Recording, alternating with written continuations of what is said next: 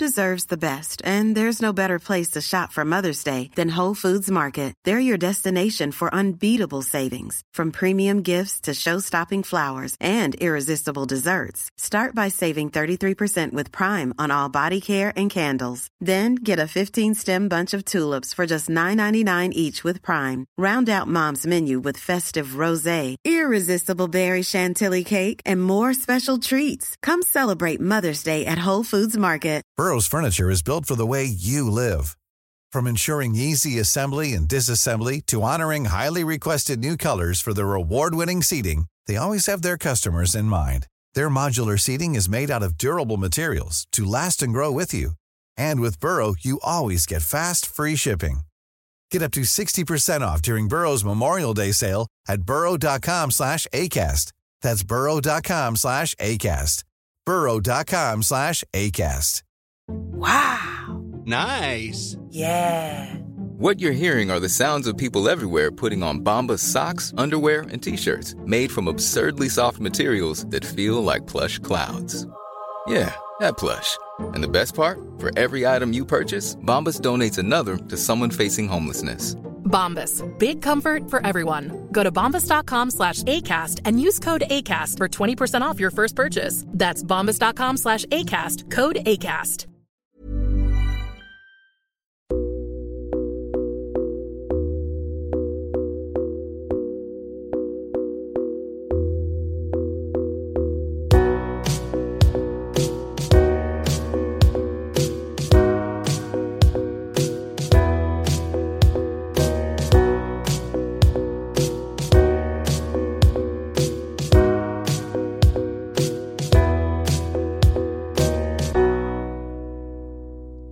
På Samtal, en podcast med fokus på fria samtal.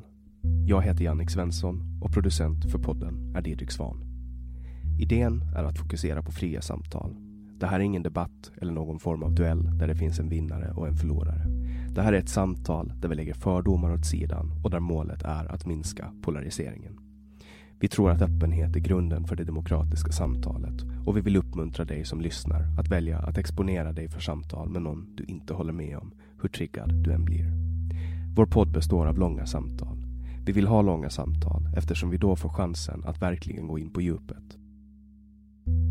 Den här podden presenteras av Webax, hemsidor och innehåll. Mer om Webax kan du läsa på www.webb.ax, webb med två b. Jag heter Jannik Svensson och du lyssnar på podcasten Samtal.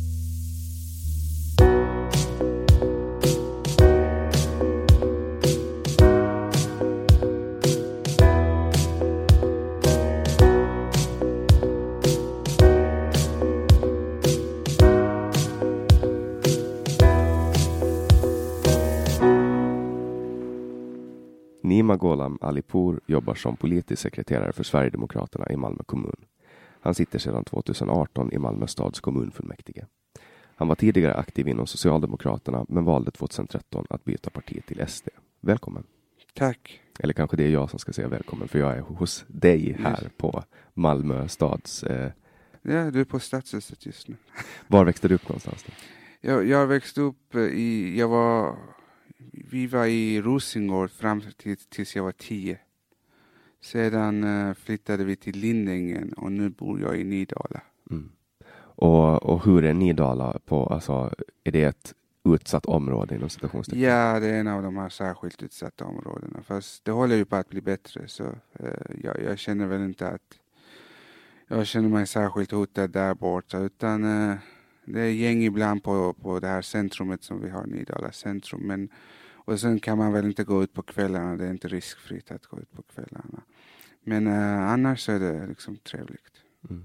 Gäller det här även eh, de som, eh, alltså, som bor där och liksom som är där varje dag, att de inte kan gå ut på, på kvällarna? Ja, alltså, det- det kan ju hända grejer. Det, det kan ju liksom passera en grupp av liksom killar som, som ingår i något gäng. Alltså, det, och man vill väl inte rå- råka ut för det. Mm. Så då är det väl bättre att liksom ta promenader på dagarna och inte gå ut på kvällarna. Åtminstone inte i mörkare områden. Har du blivit utsatt för någonting? Ja, alltså när jag gick med i SD för några år sedan så, så blev jag utsatt för någonting. Jag, jag, jag höll på att gå liksom, just där i Nydala centrum och eh, så var det något gäng liksom som skrek åt mig och sa du, du är med i SD, du är med i SD och sånt. Och när jag väl gick fram och, och sa till dem liksom, och liksom, vad är problemet med det? Så uh, var, det, var det någon av dem som uh, skulle kasta någon kruka eller något sånt som de hade på gatan, hittat på gatan. Och, och, och, och liksom, jag, jag, kände liksom att jag blev påhoppad här och när, när jag tog ut luren för att uh, ringa polisen så, så var det någon av dem som sparkade på min hand och, och, och luren liksom föll ner. Och, och, då fattade jag att det här är ju allvar, de är ju ganska våldsamma. Och då fick jag, jag, det var, vi bara stack till eh, den här pizzerian som var i närheten för det fanns folk där. Uh, och, och, det var liksom första gången jag fattade att de här områdena, att det, det finns våldsamma människor där. Man hade aldrig sett det innan. Mm. Så, uh, ja. Hur var det när du, när du växte upp då? Var det mycket gäng och sånt? Nej, det var det inte. Alltså, just i Rosengård, det var ganska lugnt på den tiden. Det, det var trevligt och man hörde aldrig talas om narkotika. I alla fall inte jag. Och sen det här med skjutningar, det var inte något som man hörde om. Och samma i Lindingen, det, det var, det, alltså, det här med explosioner och våld, det har ju normaliserats på, på senaste år. Men när jag växte upp så var det inte vanligt. Sen att, att folk hade det ekonomiskt svårt, det var en annan sak. Men, men just våldet fanns inte där. V när började våldet då? För du har bott i Malmö hela tiden eller? Ja, det har jag gjort. Alltså, jag, vi kom till Sverige när jag var fem. Mm. Uh, Var kom ni ifrån? Då? Vi kom från Iran. Uh, och då var ni politiska flyktingar? Ja, vi kom via Turkiet. Vi kom som kvotflyktingar. Vi ansökte om asyl i Turkiet och då blev vi, vi fick status som kvotflyktingar och skickades till Sverige. Eh, men eh, när våldet började, det smög väl sig in liksom på något sätt. Det blev först en skjutning och sen en annan och sen blev det flera varje år. Och man la ju inte märke till det liksom när det blev mer och mer. Men sen liksom satte man på tvn och det hade liksom skett två explosioner på samma dag. Och då började man kanske tänka, det här är kanske inte normalt. Eh, så, ja. Förutom hur, hur när du läser det i tidningarna och sånt, ser du och hör du de här grejerna? Hör du skott? Ser? Nej, alltså jag måste säga det här bilden av att eh, Malmö skulle vara en krigszon, det stämmer ju inte. Utan du kan, du kan gå ut i liksom, där, där jag bor, Eh, och ta en promenad och, och liksom om det är sommar så kan du liksom sätta dig på en gräsplätt och sola. Och, men men sen, sen kan det vara så att någonting kan hända också. Mm. Uh, det, det beror på liksom. Uh, och så är det ju överallt, man kan ju halka på ett löv och bryta Ja, nacken, alltså, liksom. jag kan inte säga att, liksom, att Malmö är som uh, någon storstad i USA där, där man kan liksom råka ut för misshandel liksom, lätt eller att man behöver spärra in sig någonstans för att skydda sig. Men, uh, men det sker ju och det är ett problem ändå. Alltså, varje gång en människa misshandlas eller rånas, det, det är liksom ett brott för mycket. Mm. Uh, och, och jag, jag tror, och det här brukar jag säga till alla journalister som kommer från USA, att man ska inte jämföra Malmö med USA. Utan man ska jämföra det med hur det var på 90-talet när jag växte upp. Så, så, när, när vissa av oss, och liksom personer som jag och andra Malmöbor liksom klagar på det, den, denna otrygghet. Vi, vi jämför det med hur det var när vi växte upp. Och det, det är där vi ser problemet, att vi vill inte att det här nya otrygga samhället ska normaliseras. Mm. Och hur var det när, när du växte upp? Då? Vad, vad gjorde ni när ni... Alltså man kunde gå ut och, och det, liksom, man hörde inte talas om narkotika till exempel. Fast när jag, jag är ju legitimerad lärare nu. Uh, det är liksom den utbildning jag har. Och, och, när jag praktiserade som lärare i Lindängen, då såg man ju en knarkkultur. Man såg att uh, vissa ungdomar liksom tog upp ett, ett visst påse och visade upp det för att provocera lärarna att de på något sätt kände till hur man sålde narkotika eller köpte narkotika. och hela den kulturen fanns inte när jag växte upp i samma område. Så man ser att det har liksom gått ner i åldrarna på något sätt. Och, eh, och, och det, det är liksom det som är skillnaden. Mm. Och för, alltså, så länge jag kan minnas, nu är jag, jag är 26 år, och så länge jag kan minnas så har jag alltid hört på nyheter och folk prata om att Malmö är liksom det är för sent och allt är över för Malmö. Men hur liksom. gammal är du? 26. 26 och jag är 38. Ja. Så, så det fanns liksom en tid då man inte pratade så om Malmö. Det fanns en tid då man pratade om att ja, det största problemet i Malmö det är liksom att eh, industrierna har flyttat utomlands och att vi måste bygga upp eh, en, ett, en ny sorts näringsliv. Det var det man pratade om. Men just det här med otryggheten, skjutningar och kriminalitet. Alltså, det var inte kopplat till Malmö liksom när jag växte upp. Och du utbildade dig till lärare då? Utgår jag Ja, ifrån. det har jag gjort. och, och du utbildade dig här i Malmö. Ja, det gjorde jag. Malmö högskola. När jobbade du som, som lärare? Vilka år? Det var mellan 2016 till 18. Och hur, hur upplevde du skolan? Nej, men jag jobbade inte i Malmö. Alltså, jag sökte jobb i Malmö och jag sökte jobb i ungefär 20 skolor här i Malmö men jag fick inte jobb. Vad tror du? Det är ju extrem lärarbrist. Vad, vad kan det bero på att du inte fick jobb? Jag, jag tänker inte spekulera om det men jag vet att jag inte fick jobb här och sedan så vände jag mig till eh, en skola i Eslövs kommun. Eh, det, det var en skola i en eh, by som heter Löberöd, och Ölyckeskolan och där fick jag jobb och jag fick tills vidare anställning hela paketet och jobbade där i två år. Tills jag eh, blev heltidspolitiker. Men alltså det det är ju liksom tråkigt att det är lärarbrist. Men, men alltså, det där låter ju som att det finns någonting. Alltså, kan det ha, tror du att det kan ha att göra med att du är sverigedemokrat? Det kan ha med det att göra, men alltså det, det är liksom inte anklagelser jag vill kasta ut lite hur som helst. Jag vill ju ha liksom konkret bevis på att det var så. Det kan vara så att de inte gillade min eh, hårfärg eller hudfärg också. Alltså det kan vara vad som helst. Men alltså för att kasta ut sådana anklagelser då, då måste man ha bevis. Mm. För, för det känns ju ändå som att det är, alltså när det är en extrem lärarbrist i landet så känns det som att det borde vara ganska lätt att, att få tag på jobb. Ja. Och du har liksom, antar att du inte har något kriminellt register. Nej, ingenting, ingenting. Och, och, och, och det är ju så idag, jag sitter i grundskolenämnden idag här i Malmö och eh, vi anställer ju personer som inte har legitimation. Vi hittar på, inte hittar på, utan etablerar eh, yrkestitlar för människor eh, så, så de inte behöver ha eh, lärarlegitimation för att kunna undervisa. Eh, och eh, då är det märkligt att man inte anställer någon som är legitimerad lärare.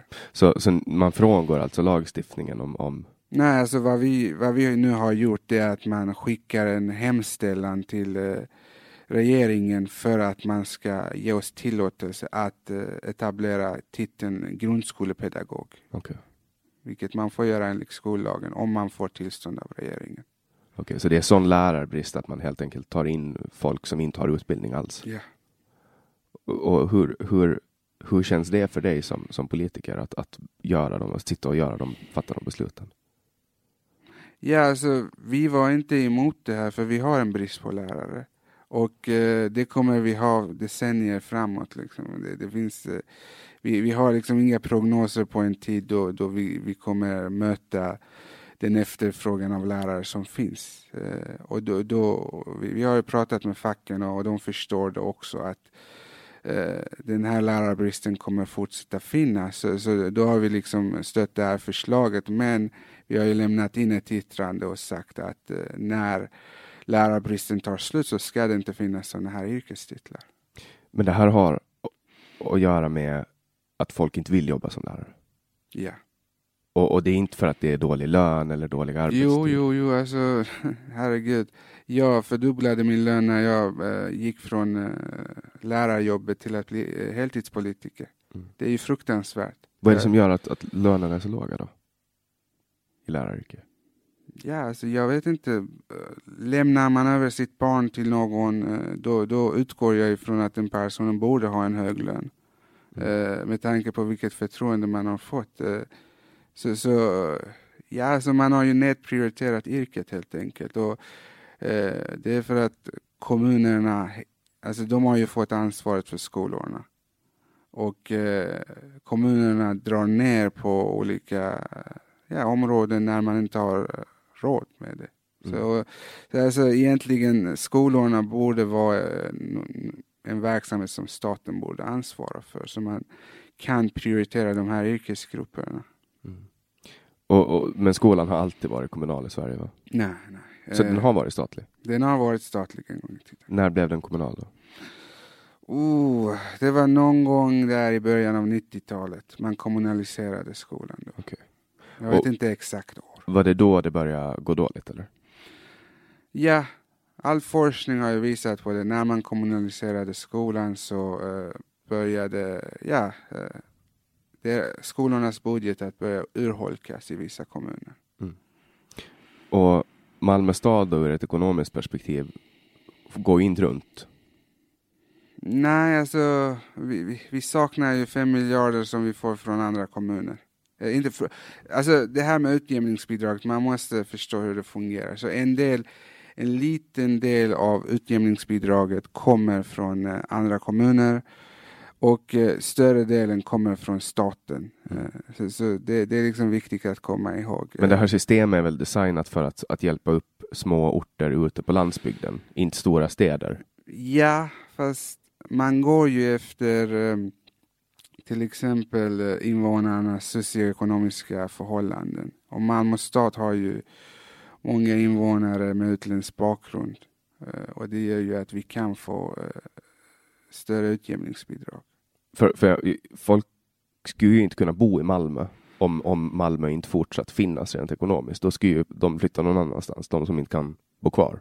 Om Malmö, ja alltså.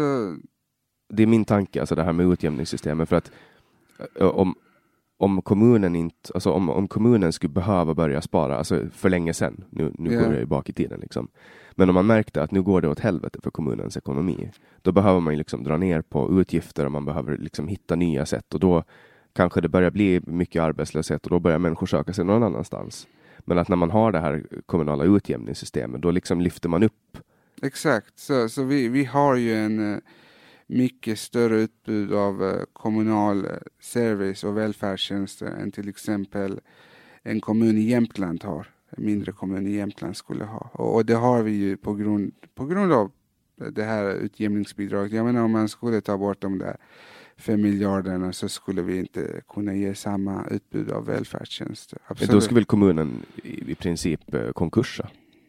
Ja, det skulle det. Och, och, och, så på det sättet är ju, är ju många kommuner här i Sverige och speciellt Malmö eh, beroende av eh, utjämningsbidraget. Hur, när, när kom man på det här utjämningsbidraget? När börjar man dela ut det? Nej, jag kan inte historiken bakom det. Men det, för, för som jag förstår det i alla fall så, så är det, det var egentligen designat för landsbygdspartier. Nej men, ja. landsbygdskommuner. Ja, det var det. Alltså tanken var att man skulle eh, liksom stärka glesbygds och landsbygdskommuner, absolut. Men att nu används det på ett sätt som inte egentligen var menat, men man liksom upprätthåller en ohållbar ekonomisk situation. Ja, men alltså så här är det liksom. Jag, jag, jag tänker mig att Malmö stad kan spara en hel del på, på ett år eller på tio år. Men jag tror inte vi kan spara fem miljarder. Så, så vi har liksom hamnat i en situation där, där många människor har vant sig vid en välfärd som kostar en hel del. Uh, och där uh, det kostar så mycket att uh, det måste tillskjutas resurser från staten. Och, och, jag vill ju liksom ha en stark välfärd. Jag vill ha en stark äldreomsorg, en stark skola. Så, så det är inte så att jag tycker att man ska dra tillbaka det stödet helt. Men jag tycker att man borde ha en viss vision på hur man kan stå på egna ben också. Så man inte vänjer sig vid det här och att det här bidraget ska år för år öka hela tiden. Mm. Och det är typ industrier, skeppsvarv, alltså fortsätta förädla det som Malmö en gång i tiden har blivit känt för? Ja, men jag pratar mer om besparingar, till exempel hur många fritidsgårdar har vi? Jag var, jag var i en by i Jämtland, eh, eller en by vi kan prata om, jag var i en kommun i Jämtland. Där hade man inga fritidsgårdar. Men det fanns inga upplopp heller. Så och, det är inte så att om man har eh, färre fritidsgårdar att allting skulle falla samman. Det finns vissa välfärdstjänster som man kan dra in på. Mm. Eh, till exempel Malmö spenderar eh, ja, 125 miljoner kronor på modersmålsundervisning. Hur många kommuner gör det? Hur många mindre kommuner gör det? Alltså vi måste titta på vilka saker man kan börja spara på, vilka saker som går utöver det som lagstiftningen kräver av kommunerna. Man använder alltså 125 miljoner på att lära folk det språk de redan pratar, som inte är svenska? Ja, alltså, ja exakt. Att man ska stärka det språk som de, deras modersmål helt enkelt. Borde det inte vara tvärtom, att man, att man satsar på sve, svenska undervisning? Jo, det tycker jag. Jag tycker det. För, för i min värld så låter ju det um, som att, att det kanske en, finns en viss felprioritering där. Men, men det, jag... Ja, ja, alltså, jag, jag, håller med. Jag håller ju med dig. För att det, det är bara ett exempel. Låt oss ta de 10 miljoner som Malmö stad ger i ekonomiskt bistånd till illegala migranter varje år. Alltså det, vad sa du, 10 miljoner? 10 miljoner. Så det här är till illegala? Till, Okej, okay, vi använder eh, ett finare ord här. De som inte har uppehållstillstånd här i Sverige. De, de har antingen inte sökt uppehållstillstånd eller så har de fått avslag. Eh, och eh, de har ju inte rätt att vara i Sverige och ändå ger Malmö stad dem ekonomiskt bistånd vilket möjliggör att de kan befinna sig här i Sverige. Och varför gör man det? Det är ju att kasta bort pengar. Jag menar det, det, det leder till att människor lever ett underjordiskt liv vilket inte alls är värdigt överhuvudtaget. Eh, så eh, det, det, jag, jag ser att Malmö stad spenderar en hel del pengar vilket eh, man kan spara in på. Det, det känns ju ändå som någonting, jag, jag kommer ju från Åland i, i Finland då, och vi har ju lite annorlunda system. Och för mig låter det jättekonstigt att man ger bidrag till människor som inte får vara i landet.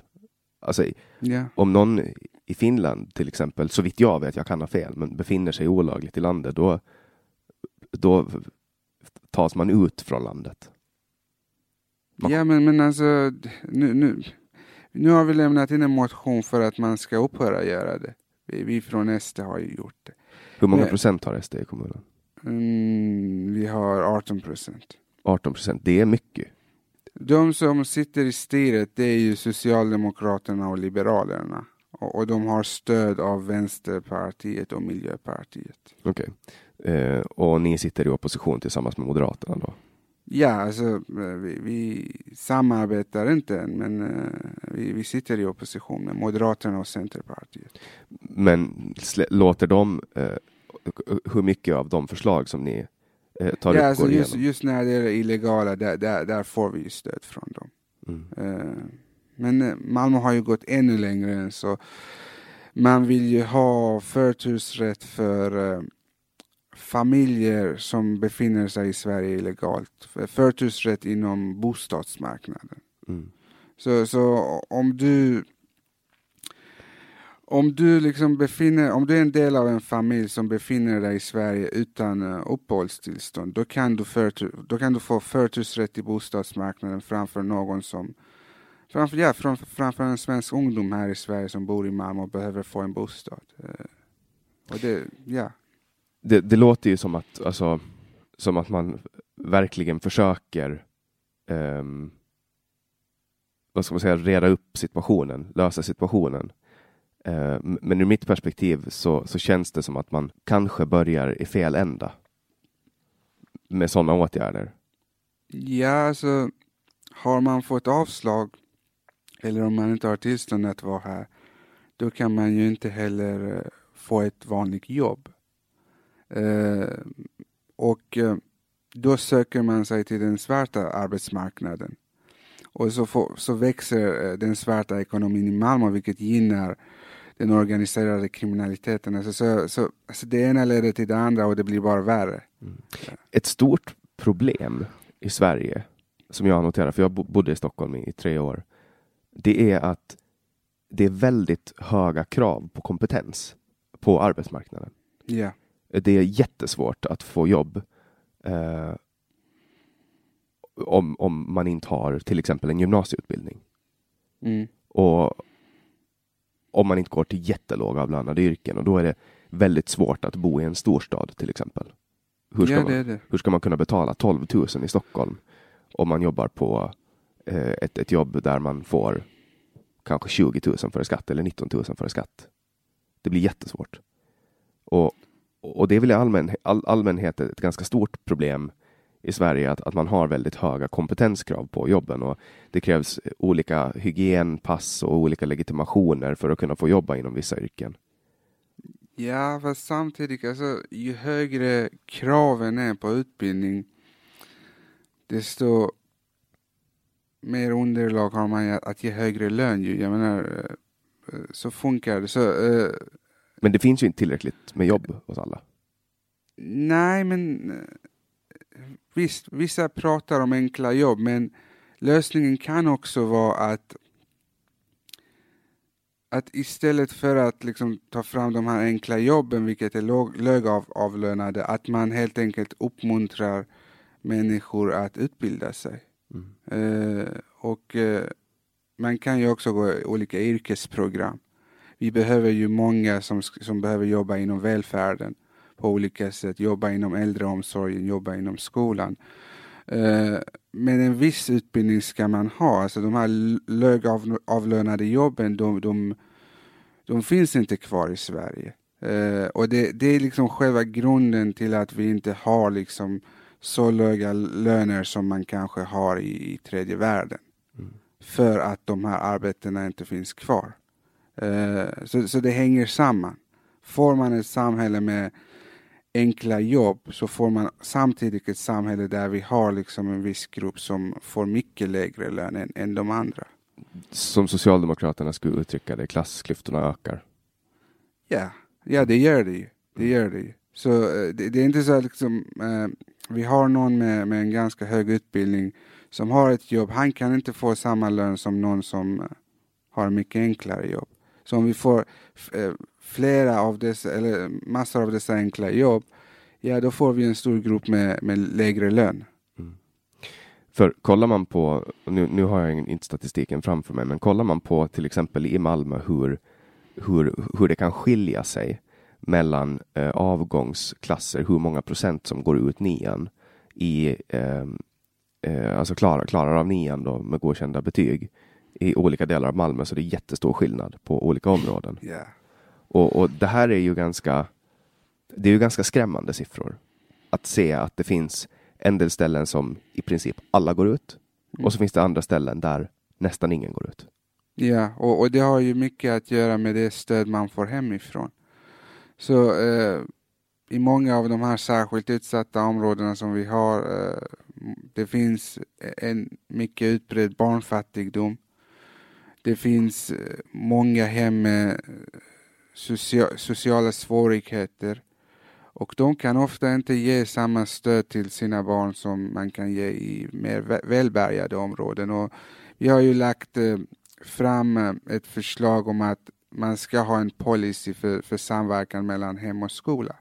Det har man inte i Malmö. Liksom. Så istället så är det ofta olika lärare som får på egen hand söka sig till hemmen och försöka uppmuntra dem att stödja sitt barn mer. Men om, om man från kommunens håll hade en viss policy som sa att lärarna ska eh, försöka vända sig mot hemmen och stödja eh, och försöka få dem att stödja sina barn mer. Eller om vi hade vissa, en viss personal som vände sig gentemot föräldrarna och hjälpte dem att stödja sina barn, då skulle det ändra resultaten. Men ofta är det eh, föräldrarna som inte kan stöd, alltså ge det stöd som barnen behöver hemifrån. Jag menar, eh, jag, när, när jag skulle välja, jag har ju egentligen två eh, högskoleutbildningar.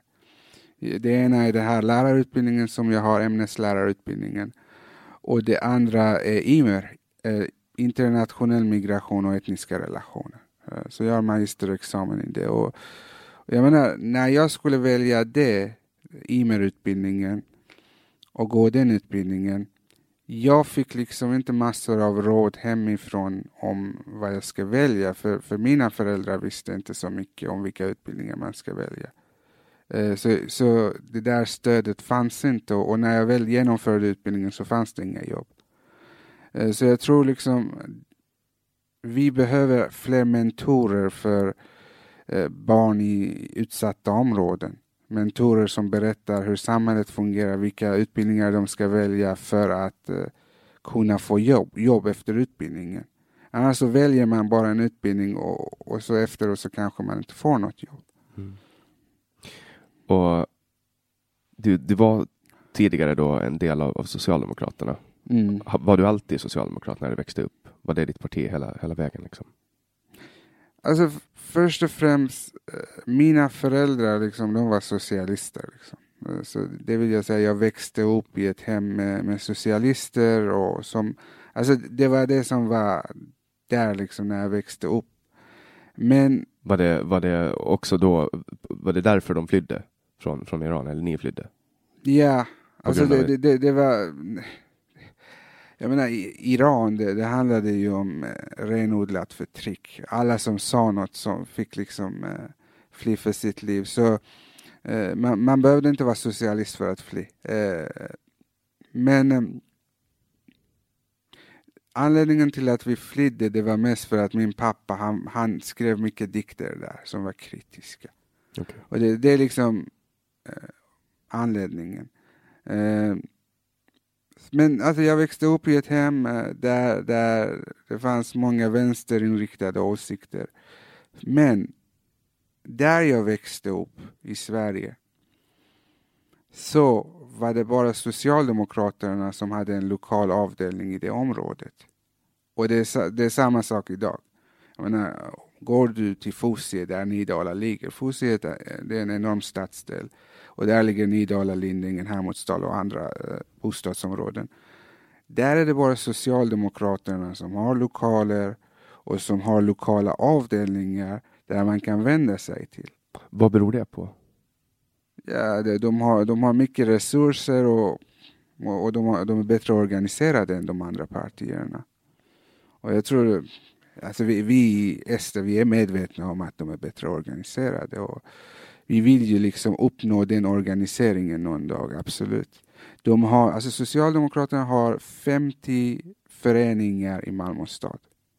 50 olika lokala 50 föreningar. olika lokala föreningar med 50 olika styrelser med 50 olika budgetar. Hur många har Sverigedemokraterna? Vi har ju liksom, vi, har en, vi, vi är en distrikt här i Malmö mm. och sen har vi inga föreningar utan vi ger oss ut i olika områden när vi gör våra aktiviteter. Men de har en förening i ett visst bostadsområde som bara fokuserar sig på det området. Och det, det är en enorm resurs. Så när jag växte upp i Fosie så fanns det minst fem socialdemokratiska föreningar i hela Fosieområdet. Och eh, så, så, det var det närmaste som fanns. Och det var inte så, jag menar växer man upp i ett sånt här område, det måste man förstå att man, man vet inte vad ett protokoll är. Man vet inte eh, vem bestämmer över skolan, vem bestämmer över ja, vem bestämmer över samhället ens? Alltså, man känner inte till vad, vad bestämmer kommunfullmäktige, man vet ingenting. Och, och då, alltså, är man intresserad av politik, då vänder man sig till det närmaste som finns och det som känns bekant. Så du hamnade in på Socialdemokraterna för att de var tillgängliga? Ja, och sen man, alltså, så här, växer man upp i Sverige har man också en bild av att Socialdemokraterna har byggt Sverige. Alltså, den som är liksom den största hjälten för den som kommer in i det svenska samhället, det är ju Olof Palme. Hela det här snacket om att Olof Palme var en riktigt dålig människa, allt det här, det, det finns hos högern här i Sverige. Men en, en människa som växer upp i någon av de här områdena, den bild man får av Olof Palme, det är ju bara positivt. Mm. Eh, och man känner inte alls till den här diskussionen eh, om alla de negativa saker som Olof Palme gjorde det finns inte. Och det, det, det, är också en sak som Socialdemokraterna har byggt upp, att bilden av det moderna Sverige är att Socialdemokraterna har byggt det här landet och, och har gjort det här landet till en humanistisk stormakt i världen. Och det är det man får, det är den första bilden man får. Som en person som inte är insatt i politiken utan är intresserad av politiken. Mm. Eh, Så, så jag vände mig till Socialdemokraterna då och kom, kom liksom in i det partiet. Och, och då, då, de är också duktiga på att ta emot en. Liksom. Hur gammal var du när du... Jag var 20 25-26 år gammal. Så det för cirka tio år sedan? Ja, ja. det var ett, just det. Jag fick mitt första uppdrag 2007. Okej. Det var väl lite mer än 10 Ja, år lite sedan. med 13 år sedan. Ja. Och, och då började du på lokal nivå. Ja. ja, det var stadsdelsnämnden i Fosie. Mm. Och kände du dig då att du var liksom Delar du- delar du Socialdemokraternas vision eh, om, om ett, ett starkare samhälle och att den politik som fördes var den som, som skulle föras? Eller var det bara att du ville in och göra en förändring? Det, det jag söker efter är din ideologiska övertygelse. Jag, jag tyckte att samhället det borde fungera på ett sätt att, att alla liksom på något sätt får ta en del av, av alltså det som finns. Mm. Så, så skolor borde fungera. Att eh, jag, jag, jag är fortfarande emot orättvisor. Jag tycker inte om att eh, människor ska behandlas orättvist. Eh, alltså det, det, det var liksom det här att, att eh, jag ville, jag ville liksom ha ett samhälle där, jag, ville ha, jag vill fortfarande ha ett starkt samhälle. Det vill jag. Jag, jag vill att äldreomsorgen ska fungera. Jag, jag, jag, jag förstår mig inte på att, att människor ska betala skatt hela sitt liv och sedan behandlas som skräp i slutet av sitt Varför ska det vara så? Och så, ja, alltså det, alltså det var liksom det här när jag gick in i Socialdemokraterna, jag ville liksom göra gott. Det vill jag fortfarande. Mm. Och sen eh, 2007 så gick du med i Socialdemokraterna och 2010 så kom eh, Sverigedemokraterna med i riksdagen. Ja. ja. Hur, hur kändes det för dig då? För att det var ju en, en stor eh, prestigeförlust och ett stort hot för Socialdemokraterna på den tiden. Ja, alltså när Sverigedemokraterna kom in i riksdagen, det, det var en överraskning för mig faktiskt. För eh, fram tills dess, jag, jag läser, jag menar, man läser i medierna Mm. och alla hade sagt att eh, nej, det här kommer inte hända. Och, eh, och liksom man hade sagt att ingen stödjer dem. Det är bara liksom rasister som stödjer dem. Och jag tänkte, jag, jag, jag menar, jag hade växt upp i Sverige. Det fanns inte många rasister här. Så ingen stödjer dem, eller hur? Det är det man sätter ihop allting. Så okej, rasister stödjer dem. Men det finns inte många rasister i Sverige så ingen stödjer dem. Men de kom ändå in i riksdagen. Mm. Så det var en överraskning för mig. Och hur kändes det? Blev du liksom att du gick i opposition mot dem direkt och, och fördömde dem som... För att det gjorde ju alla partier. Ja, alltså, jag menar, jag jobbade i fyra år för en antirasistisk tids, tidskrift, liksom. Eh, En ganska vänsterorienterad tidskrift. Vilken, vilken var det? Mana, det var en sån kulturmagasin Här i Malmö då? här i Malmö. Och eh, självklart gick jag i opposition mot dem. Jag menar, jag, jag, även idag jag ser mig som en antirasist. Mm. Jag vet liksom, folk tycker Sverigedemokrater är rasister och sånt, men jag ser mig själv som en antirasist. Jag är emot all rasism. Och det var jag då också. Mm. Eh, självklart. Och om, om, någon, om då liksom alla medier omkring mig säger att det är ett rasistiskt parti, min reaktion är ju självklart, då går jag i opposition. Mm. Men sen var det bara tre år in på, på den riksdagsmandatperioden Mm. som, som, eh, som du bytte parti. Vad var det som fick dig? Vad hände under de här tre Ja, det- åren som fick dig att... Det var ju flera saker som hände. Först och främst så eh, engagerade jag mig i, i den här kampen mot antisemitism. Mm. För det började hända saker i Malmö, man attackerade synago sy- synagogan och så vidare. Och eh, jag kände väl att ingenting hände. Ingen reagerade. Och då, då reagerade jag på olika sätt, skrev debattartiklar och så vidare. Men eh, då motarbetades jag inom mitt parti, Inom Socialdemokraterna? inom För Socialdemokraterna. att du ville motarbeta judehat? Ja. då, ur mitt perspektiv så är ju Socialdemokraterna de som pratar mest om att vi måste vara försiktiga med antisemitism och vi måste hindra det. Ja, alltså de pratar om det fast... eh, För det här, det här står i total konflikt med min världsbild. Alltså när du, när du säger. Ja men alltså, man måste se vad, vad som finns inom Socialdemokraterna. Det finns ju en mycket Palestinavänlig rörelse inom Socialdemokraterna som inte har något problem med att vissa aktivister inom Palestinarörelsen eh, uttrycker sig antisemitiskt. Typ så- krossa sionismen Ja. etc. eller, eller håller upp kartor där Israel inte existerar och så vidare. Eh, det är i mina ögon också antisemitism.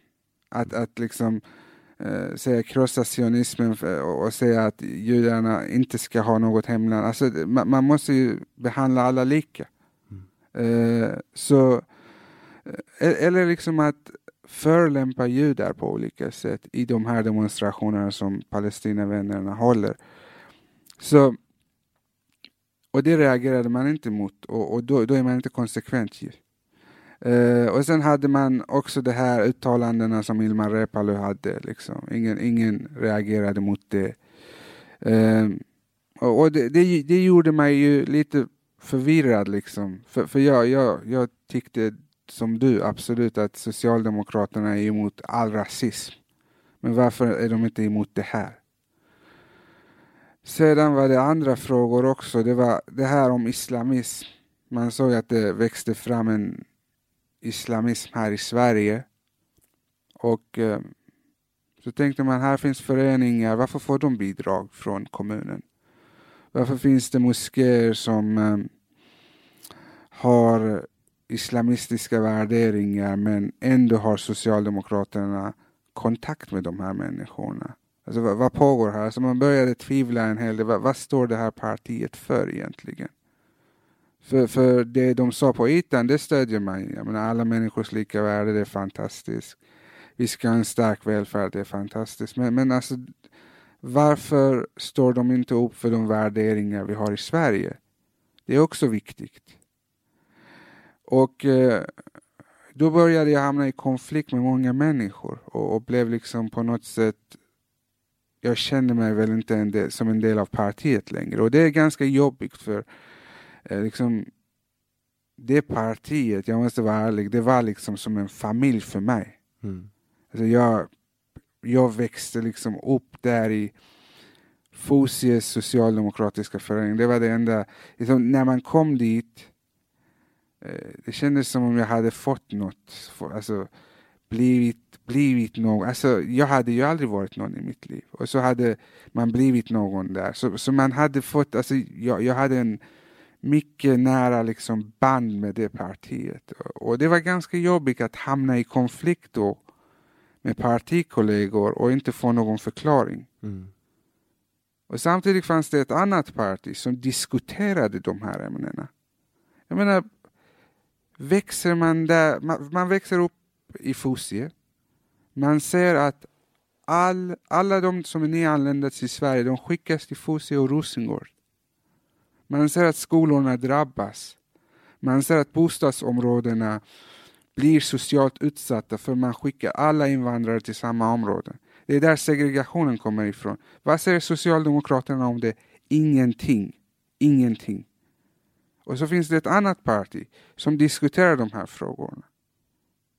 Alltså det, det, det, det blir jättejobbigt liksom. Man vet inte vad, alltså vad är det här? För det som, det som är så konstigt för mig, för jag vet ju att det finns ett problem inom vänstern med antisemitism. Men, men eh, jag har aldrig pratat med någon som faktiskt har liksom in person berättat till mig om eh, att det här har skett. Liksom. Jag, har ju, jag har ju läst om det, Mm. men, men det är ju så svårt att veta vad man ska tro på idag. För att kollar du på Socialdemokraterna och Miljöpartiet och Vänsterpartiet så är de oftast, när de, när de pratar om Sverigedemokraterna så använder de ett vokabulär som eh, Eh, det rasistiska partiet eh, Sverigedemokraterna med rötter i nazismen. Man liksom använder de här klassiska orden då, nazism och antisemitism mot Sverigedemokraterna. När, när, när det åtminstone enligt dig och, och andra som jag har läst och, och lyssnat på menar att det finns ett problem med antisemitism inom vänstern. Va, vad är det som gör att man... Alltså det här låter ju som någon form av projektion, du vet som en person med en jättedysfunktionell barndom som använder massa olika former av psykiska eller psykologiska eh, sätt att upprätthålla sin identitet genom att projicera. Alltså han är själv eh, antisemit men han står och kallar alla andra för nazister. Ja, så det är ju liksom nästan två olika saker du pratar om. Det ena är ju liksom antisemitismen inom vänstern. Och jag har liksom funderat på det och läst om det och tänkt vad, vad kan det här bero på? Och jag tror att det delvis handlar om att vänstern på 60 och 70-talet hade en idé om att Israel på något sätt, eh, bara för att de är allierade med USA, att det är någon sorts koloni där, liksom, någon sorts västerländsk koloni i, i Mellanöstern, vilket inte är sant. Liksom. Man, man har haft den här bilden av att eh, men man vänster har varit emot imperialismen och då har man sett Israel som imperialismens förlängda arm. Och därför har man vänt sig mot den staten. Eh, sedan så tror jag också i samband med det, i samband med den, hela den eh, idén, så har man också fått eh, områden här i Sverige där det bor många som är fientliga både mot judar och mot staten Israel. Och då, de har röstat på partier med vänsterorienterade åsikter. Och då har man på något sätt blivit beroende av denna ideologi och inte haft utrymme att ta avstånd. Alltså från... pro-Palestina pro har på något sätt blivit inkorporerat i socialdemokratin? Ja. Och, och samtidigt, vad är pro-Palestina i, i arabvärlden? Det måste man också tänka på. Det, alltså inom eh, den här pro-palestinska ideologin i arabvärlden, det ingår ju mycket antisemitism. Det är ju en del av statspropagandan. Ja. Och sen när, när många människor kommit hit från de länderna och Socialdemokraterna fått de rösterna, de har behövt anpassa sig till, till, till sina väljare. Mm. Och så den andra saken du tog upp, ja de projicerar eh, det här med att eh, liksom, SD skulle vara rasister. Alltså SD har, har en eh, mörk eh, historia. Det måste man för det första erkänna, liksom, att den finns. Ehm, och sedan måste man erkänna att SD utmanar Socialdemokraterna idag. De, de tar Socialdemokraternas väljare och därför Socialdemokraterna försöker ju svartmåla det parti som utmanar dem. Man, man, ska aldrig tro liksom att eh, Socialdemokraterna är en god kraft, de skulle aldrig göra så, de skulle aldrig svartmåla. Jo, men det, de gör det för att försvara sig mot eh, det parti som utmanar dem.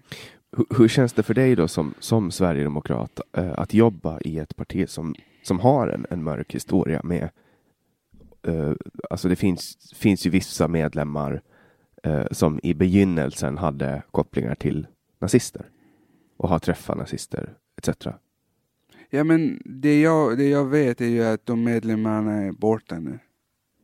Eh, och att eh, partiet tar ju avstånd från de här, eh, ja, det som fanns innan i partiet och, och från all, all, alla former av rasism.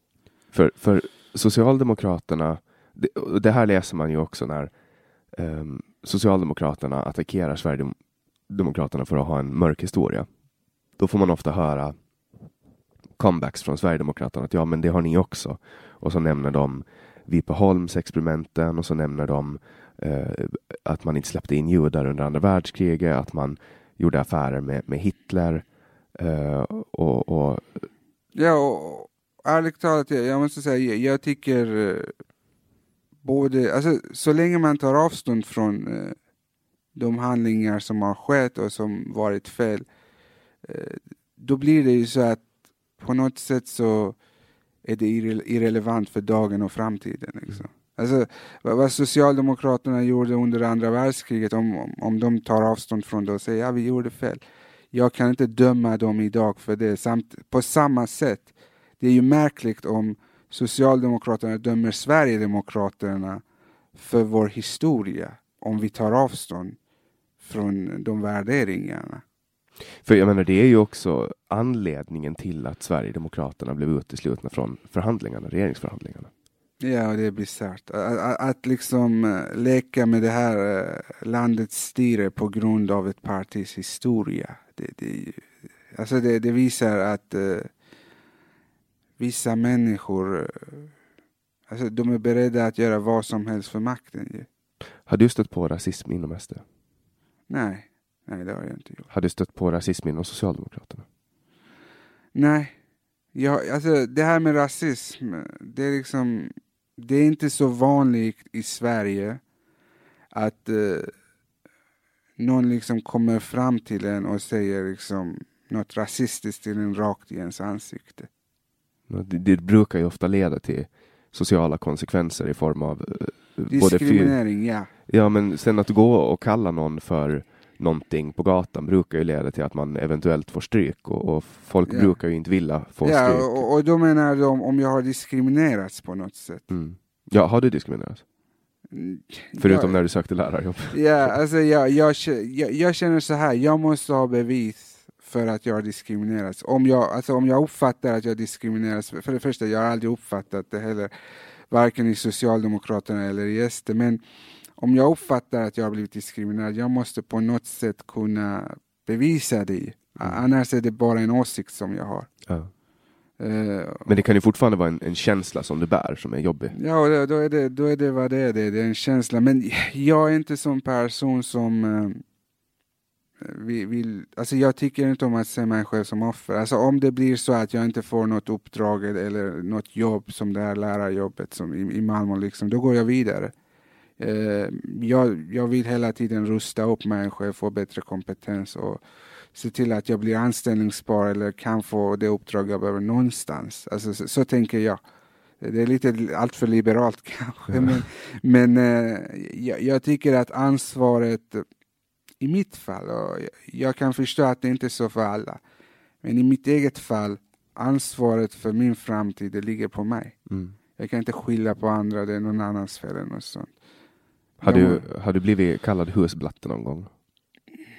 Eller anklagad? Ja, någon, någon gång på sociala medier. Men alltså det, det, det, har blivit en del av språkbruket här i Sverige. Jag tänker så här att den personen har valt att använda det ordet för att förminska mig. Liksom. Det är hans val. Och ja, jag, jag tänker väl liksom det är fel att göra det. Men, men vad kan jag göra åt det? Liksom? Jag, jag, jag brukar inte liksom tänka djupare tankar omkring var, om jag, varför jag kallas det och sånt. Alltså, eh, Människor kan kalla mig massor av grejer. Mm.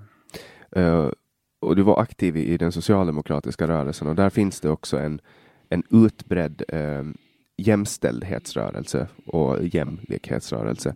Uh, klassar, klassade du dig som feminist? Femin alltså det, det beror på vad ordet betyder. Alltså, alltså vi, jag klassade mig själv som feminist. Och om alltså, så här, jag, jag, tror på att män och kvinnor ska vara jämställda och att politiken ska arbeta för att män och kvinnor ska bli jämställda. Jag, jag, jag vill inte leva i ett samhälle där kvinnor blir diskriminerade. Är det feminism, då är jag feminist. Så, mm. så tänker jag. jag, jag. Det här agget man har mot själva begreppet, det tycker jag inte om. För att nu, nu känns det ju för mig i alla fall, och jag kan ha en, en felaktig uppfattning, men att, att Sverigedemokraterna lite står i opposition till feminismen, om du förstår vad jag menar. Jag tror att eh, det har uppstått en situation där eh, många av våra politiker, pol politiker står i opposition mot begreppet. Mm. Men, men aldrig innehållet. Vi, vi, vi är för eh, ett jämställt samhälle. Eh, sedan är vi mot ja, inkvoteringar eh, eller mycket av den här genusideologin som de har eh, omkring Alltså man, man, har ju byggt upp en genusideologi omkring feminismen och, feminismen och det är därför det är svårt idag att kalla sig feminist. Men som en människa som står, om, om det bara handlade om att stå för jämställdhet och att verka för det och att verka för att kvinnor inte diskrimineras på grund av sitt kön, då skulle det varit lätt för mig att kalla mig feminist. Men det, det, det, det handlar ju idag om mycket mer än så. Och då, då börjar man gå i opposition mot begreppet, vilket jag inte gör, för jag vet vad feminism betyder. Mm. För det finns ju ett underbyggt, eh, som jag har uppfattat det och förstått det, att, att det finns liksom underbyggt i att är man feminist så är man också vänster. Ja, och det, det är helt fel. Alltså, det, det har ju funnits många liberaler som varit feminister eh, och eh, jag, jag, jag tycker alltså i, i dagens samhälle det är naturligt att, att, att eh, ma- man ska verka för att det ska finnas jämställdhet i samhället. Det är inget som är vänster eller höger. Bekänner du dig till, till någon religion? Ja, jag är ju kristen. Så. Du är kristen. Och märker du att det finns, finns det någon konflikt för kristen? För kristendomen är väl ändå majoritetsreligionen i Sverige. Mm. Upplever du att det finns någon eh, konfliktyta där som kristen eller är det bara, en, det är bara helt lugnt att vara kristen? För, för jag förstår att det kan vara jobbigt att vara muslim och att vara jude i Sverige idag. Men är det jobbigt att vara kristen? Jag är inte så säker på att det är jobbigt att vara muslim i Sverige. På en del ställen så tror jag att Var? Eh, Alltså där jag har rört mig i Stockholm, jag rörde ju mig, eh, jag jobbar ju inne i, i centrala delarna av Stockholm, Okej. på Stureplan och, och så. Och där var det ju eh, alltså mindre muslimer än vad det var kristna. Men, Och- men trakasserades de på något sätt? Eh, Ja, men jag har hört folk uttrycka sig kritiskt mot islam. Alltså, Okej, men vänta nu, det är två olika saker. Alltså jag kan uttrycka mig kritiskt mot islam. Men jag, jag tror på religionsfrihet. Jag tror att även om jag är kritisk mot islam, då, då ska människor ändå kunna, kunna bekänna sig till den religionen. För- Och, och även om man- någon annan är kritisk mot kristendomen, jag har rätt att, att vara kristen. Men man går ju på äggskal. Alltså, ma- man är ju väldigt försiktig. Så, så blev jag i alla fall i, när jag bodde här i Sverige. Att, att jag var väldigt försiktig med att, att liksom, man vill inte uttrycka någonting fel. Nej, men, men låt, låt mig säga så här. Sverige är ett land som de senaste åren har eh, dragit till sig Eh, en majoritet av de asylsökande till Sverige har varit eh, muslimer. De har kommit från muslimska länder. Då är, det inte så, då är Sverige inte ett land som på något sätt eh, behandlar muslimer illa om så många muslimer kommer hit. För, för man hör ju jätteofta folk prata om den växande islamofobin och att man motarbetar moskéer och böneutrop. Ja, men mos moskéer får ju bidrag. Eh, Alltså, både ibland av kommuner, ibland av staten. Alltså, eh, moskéer får ju ekonomiskt stöd. Alltså hur motarbetar man moskéer? Det är, den, det är den bilden man får när man läser etablerad Ja, media. men bilder skapas av opinionsbildare. Men vad som händer, det är det jag vill veta. Och om man kollar statistiken, återigen, muslimer kommer till Sverige, judar flyr från Sverige. Det är det jag tittar Varför flyr judar från Sverige? Då, då, då är det judar man behandlar illa här i Sverige. Mm. Det fanns ju en tid när, när judar kom till Sverige. Exakt. Så alltså den dagen, så här kan jag säga, den dagen muslimer behandlas illa i Sverige, jag är den första som ställer upp på deras sida. Men muslimer behandlas inte illa i Sverige. Och man ska alltid ha rätten att kritisera islam. Mm. Alltså, jag kanske vill kritisera det på, nu, nu brukar jag inte kritisera det på ett sånt groteskt sätt, men tänk om jag ville kritisera det på ett groteskt sätt. Den rätten ska jag ha. Typ genom att rita profeten. Ja, genom att rita något så, som profeten. Då ska man kunna göra det. Och det är inte att förtrycka muslimer eller behandla muslimer illa, det är liksom att ut, ut, utöva sina rättigheter. Mm. Det där, och det är där liksom debatten har, har gått åt fel håll. Vi måste kunna vara överens om de här sakerna. Jag kan utöva mina rättigheter, men muslimer ska också behandlas liksom, ja, med, med respekt. För den största delen av de muslimer som kommer till Sverige, om jag har förstått det rätt, är eh, ganska sekulariserade. Och, Ja. och har inte så jättestor, fäster inte så jättestor vikt vid sin religion. Ja, men alltså där har också forskning gjorts. Alltså jag har ju eh, läst det här IMER-utbildningen, där fick jag också lära mig en hel del. Eh, och, och det är ju så att många som kom hit till exempel från Turkiet var sekulariserade när de kom till Sverige. Men började skaffa sig en starkare muslimsk identitet efter att de kommit till Sverige. För eh, Sen varför, vad jag tror har hänt är ju att eh, man har inte en svensk identitet som folk kan anamma. Och när folk kommer till Sverige från länder där, där det har funnits en muslimsk identitet, ja då vill man ha en identitet och då vänder man sig till hemlandets identitet. För det finns ingen svensk identitet att anamma. Och det, det är ett problem, alltså, eh, och det är det som också ligger bakom integrationsmisslyckandet här i Sverige. Att vi ger inte människor något att eh, liksom, anamma och säga att det här är att vara svensk. Medan om du tittar på USA, det går att bli amerikan och känna sig som en amerikan och veta vad det innebär att vara en amerikan. Men vad innebär det att bli svensk idag? Liksom, det pågår till och med en debatt om det där alla kastar skit på alla. Och... Ja, alltså svenskar uppfattar ju själva eh, att svenskar inte har svenska värderingar och svenska, alltså att det är en ganska svag svensk identitet. Men kollar man på andra länder så upplever de länderna, alltså som till exempel att vi finländare upp, uppfattar att det finns en ganska stark svensk identitet och so saker som är väldigt typiskt svenska. Ja, fast man måste ju också sätta ord på det, man måste prata om det. Hur många gånger har jag varit i kommunfullmäktige? och vi har haft budgetdebatt och så går vi in i kulturområdet och så är det alltid någon som går och ställer sig upp och säger ja men Nima, vad va, va menar du? Va, vad är egentligen svensk identitet? Vad är svensk kultur? Liksom, och, och, det första jag tänker är att du som förtroendevald borde inte ställa den frågan. Du representerar ju svenskan och vet du inte vad svensk kultur är. Men eh, så måste man gå upp och så ger man dem en förklaring, vilket de gör när av. Mm. Direkt efteråt. Jag, jag, jag kommer faktiskt ihåg, eh, det var någon budgetdebatt där jag gav dem en förklaring. Jag sa, jo men en del av svensk kultur är att man innan, alltså, innan man går på första maj-demonstrationen här i Sverige, på morgonen, så har man en sillafrukost.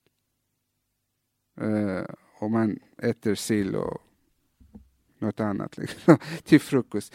Och, och sådana har jag ju varit på liksom någon gång. Och, eh, och jag gav det exemplet, så går Socialdemokraterna upp och säger ja men det är socialism. Det är inte svensk kultur. Ja. men det där, det där gör man inte i alla länder. Det där gör, alltså man firar första maj i hela världen, men man äter inte sillafrukost. Men, men de vill inte förstå. Och det är det här avståndtagandet från svensk kultur som inte är heller bra för de som kommer till det här landet.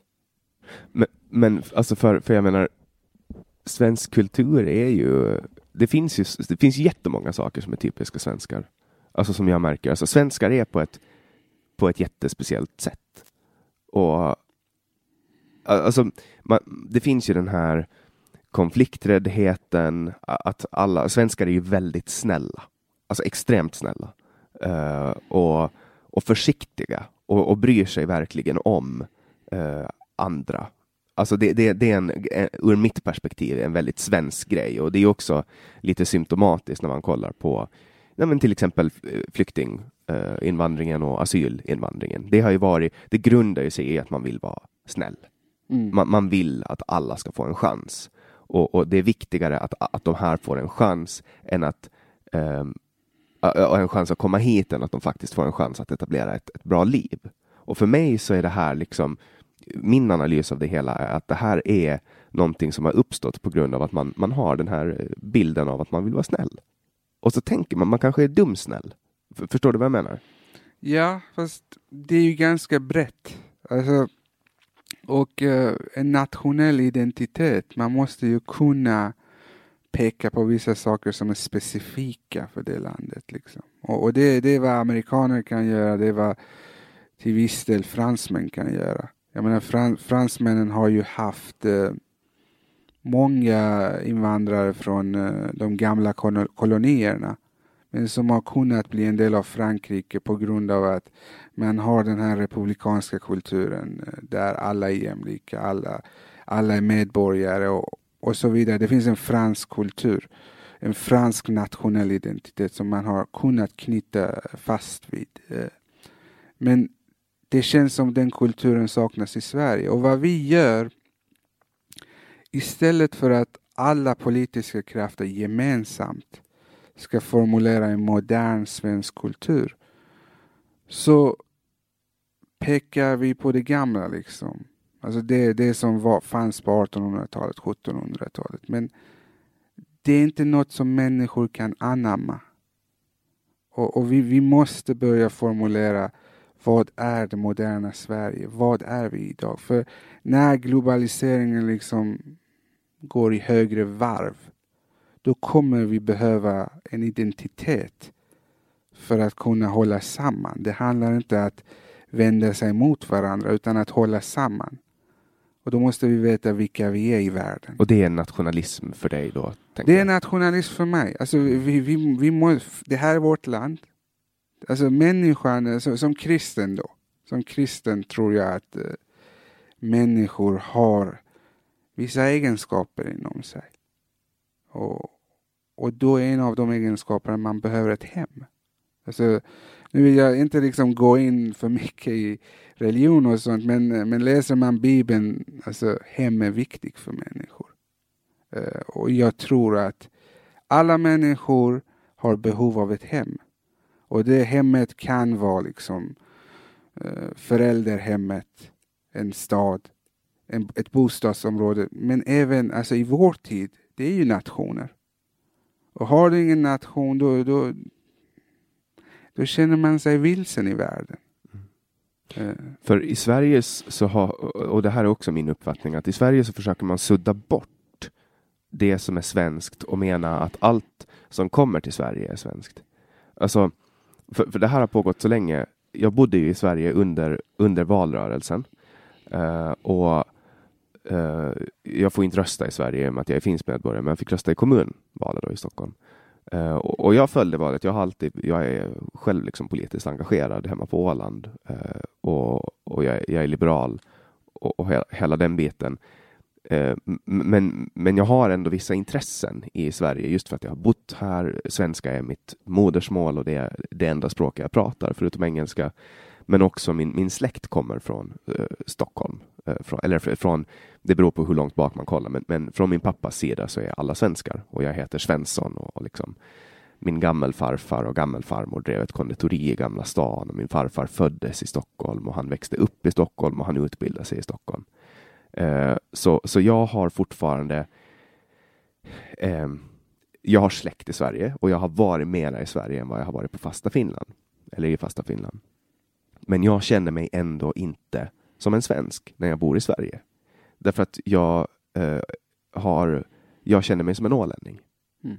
Och eh, även om jag ser ut som en svensk, jag pratar samma språk som en svensk och jag har namnet Svensson som kanske är ett av Sveriges vanligaste namn, så känner jag mig inte som svensk. Och när jag hör den här identitetsdebatten som pågår ofta, folk säger att nej, men man kan känna sig som både svensk och finsk. Och ja, det, det kan man kanske göra.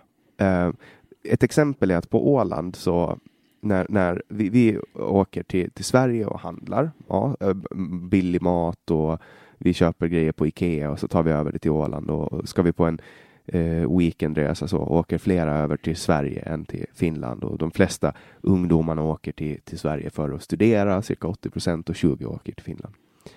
Och då när, när Sverige och Finland möts i hockey, då är alla ålänningar finnar.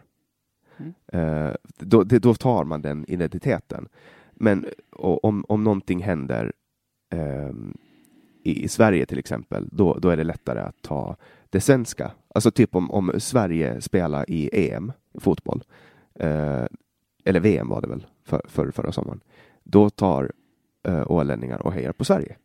För att det finns en nordisk samhörighet, det finns en eh, finsk samhörighet, en åländsk, en svensk, en skandinavisk. Det finns liksom massa olika och från situation till situation så anammar man olika identiteter. Att identitet är för mig någonting som är ganska dynamiskt och flytande.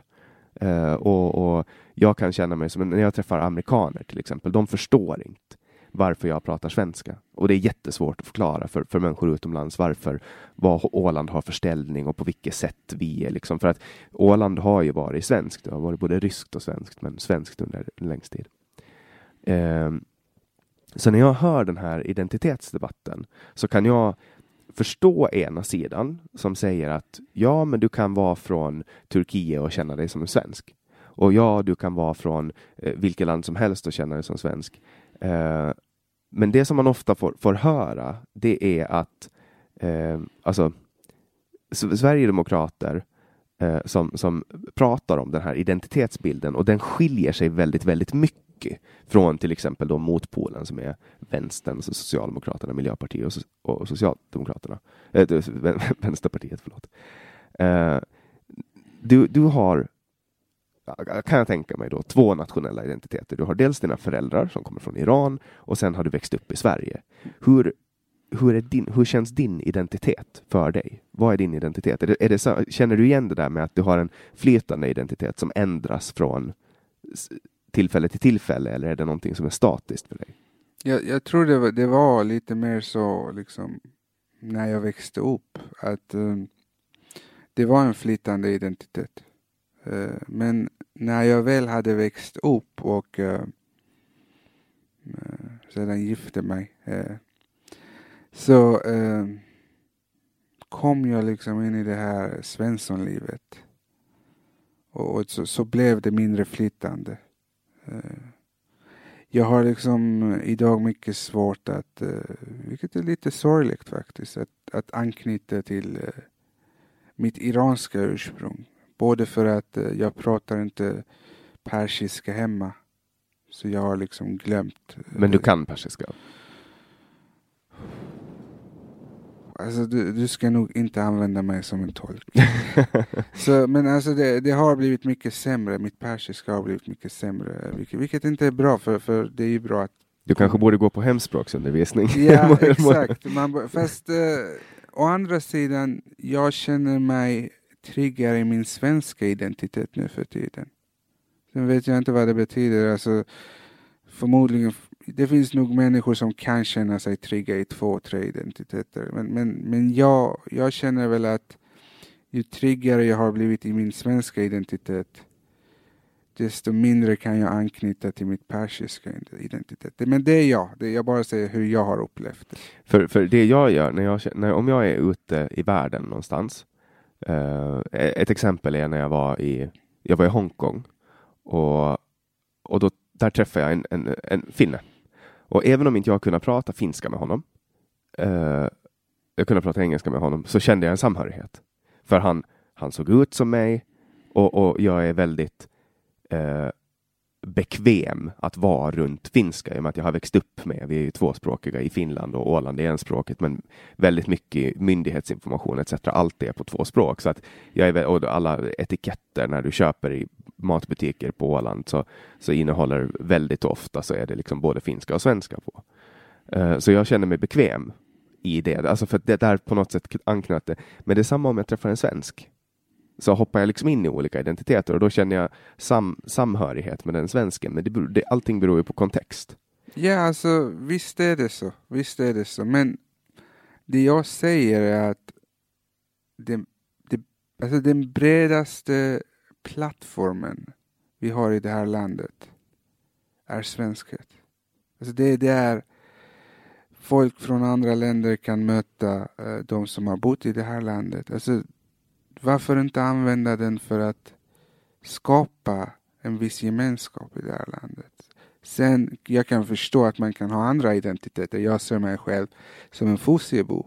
Jag menar, det är där jag har växt upp här i Sverige. Och, eh, det är liksom, Fosie brukade vara en kommun, alltså många som har, har växt upp i Fosie känner sig som Fosiebor. Eh, Eh, jag känner, alltså i Sverige med tanke på att man kallar liksom invandrare för invandrare liksom hela deras liv och deras barn är andra generationens invandrare så jag, jag känner väl den identiteten också att jag är invandrare. Eh, så man kan ha flera identiteter men det innebär inte att vi ska överge en identitet som kan ena oss så som den svenska identiteten gör. En identitet som alla, alltså det, när någon kommer till Sverige, vad är det för identitet man söker? Jo, de vill bli en del av det nya landet. Det är liksom en naturlig tanke som uppstår. Jag har kommit från ett land, jag vill bli en del av det nya landet.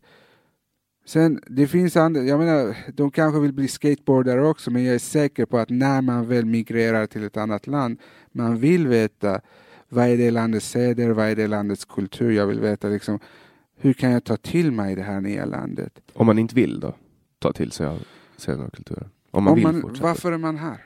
Det Man, kan, man kanske flyr, man kanske inte håller med om det som, som händer i sitt land, men man vill fortfarande fortsätta på sitt sätt. Man kanske vill eh, ha flera fruar, eller kanske slå sina barn. Ja, men det är det. Sverige är liksom inte någon sorts hotell. Alltså det är ett land. Så kommer man hit, då måste man visa respekt för resten av befolkningen och kunna kommunicera med dem, kunna leva med dem. Alltså, jag, jag säger inte att jag, jag vill inte liksom gå så långt och säga att Sverige är ett enda stort liksom, eh, hus. Det vill jag inte säga, men det finns andra människor i det här landet och, och om man kommer hit då är, det, då är det bra om man kan liksom leva med de andra i det här landet. Eh, då, då, det, det är nog det bästa om man vill ha, liksom, om, om man vill komma in på arbetsmarknaden, då måste man kommunicera med andra människor. Alltså vi kan inte ha människor som kommer hit och sedan väljer att bo i utanförskap. Med tanke på att vi är en välfärdsstat, då kommer de kosta en hel del också. Men det finns väl de, antar jag, som, Ja. som trivs i att, att ehm, man, kan, man kan föra sig på sitt hemspråk, man behöver inte lära sig något annat språk. Och, och, Ja, då, då skapar man parallella samhällen och det leder liksom förr eller senare till eh, någon form av förtryck. Jag menar deras barn, vill de bo i utanförskap? Eller vill de leva i utanförskap? Och vi ser ju liksom, var kommer det här, de här, det här hedersförtrycket ifrån? Jo, föräldrarna ville inte bli en del av Sverige. Tvångsgiften, föräldrarna ville inte bli en del av Sverige. Slöjtvång, föräldrarna ville inte bli en del av Sverige. Jag, menar, jag kommer senare ge dig liksom två böcker jag har skrivit. En av dem heter Därför mång- eh, äh, mångkultur förtryck. Och det, det är ju det, alltså skapar du ett mångkulturellt samhälle så skapar du också utanförskap för de kulturer som befinner sig utanför majoritetskulturen. Och när, när barnen i de familjerna växer upp, då känner de sig utanför det här landet. Mm. Varför kan de inte vara en del av Sverige? De går i svenska skolor, lever i det svenska samhället, men på något sätt är de ändå utanför. Det är inte rättvist. Jag ser att på Twitter så, så skrev du eh, häromdagen att på gårdagens kommunfullmäktige är SD enda partiet som säger nej till World Pride. Mm. Ett arrangemang som kostar skattebetalarna i Malmö 32,5 miljoner kronor under 2020 och 2021. Var, varför är ni emot Pride? För det kostar 32,5 miljoner under 2020 och 2021. Så det har inte med att ni är emot värderingarna att alla, alla ska. Absolut inte. Alltså, här, alltså hbtq-personer, det är också liksom viktigt att de som kommer till det här landet kan respektera deras livsstil och deras värderingar. Alltså, men Malmö är en stad, vi höll på att göra besparingar inom skolan om inte oppositionen hade stoppat det. Vi håller på att göra besparingar inom äldreomsorgen. Det här är verksamheter som enligt lagstiftning kommunen måste sköta. Och så vill man spendera 32,5 miljoner på World Pride. Eh, jag, jag tycker absolut man kan ha Pride hur mycket man vill så länge man betalar för det själv. Om kommunen ska gå in och betala för det med skattemedel, det kan jag inte stödja. Mm.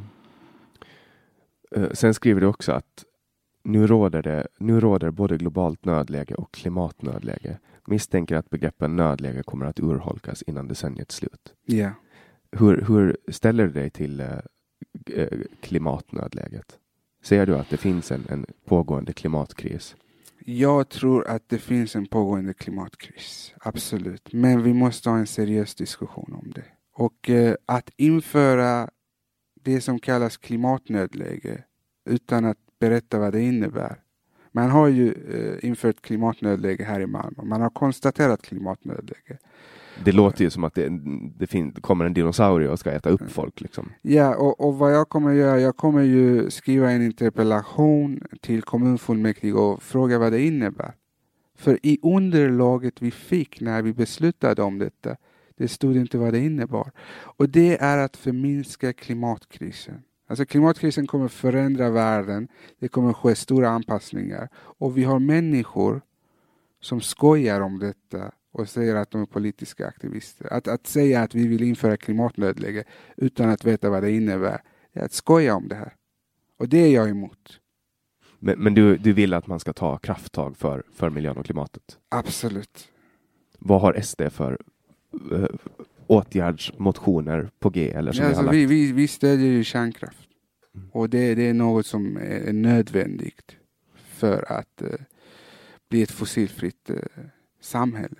S- Sverige är ju exceptionella på det sättet att man, man är ett av få länder som har, har varit i framkant med, med kärnkraft och sen börjat avveckla den. Mm.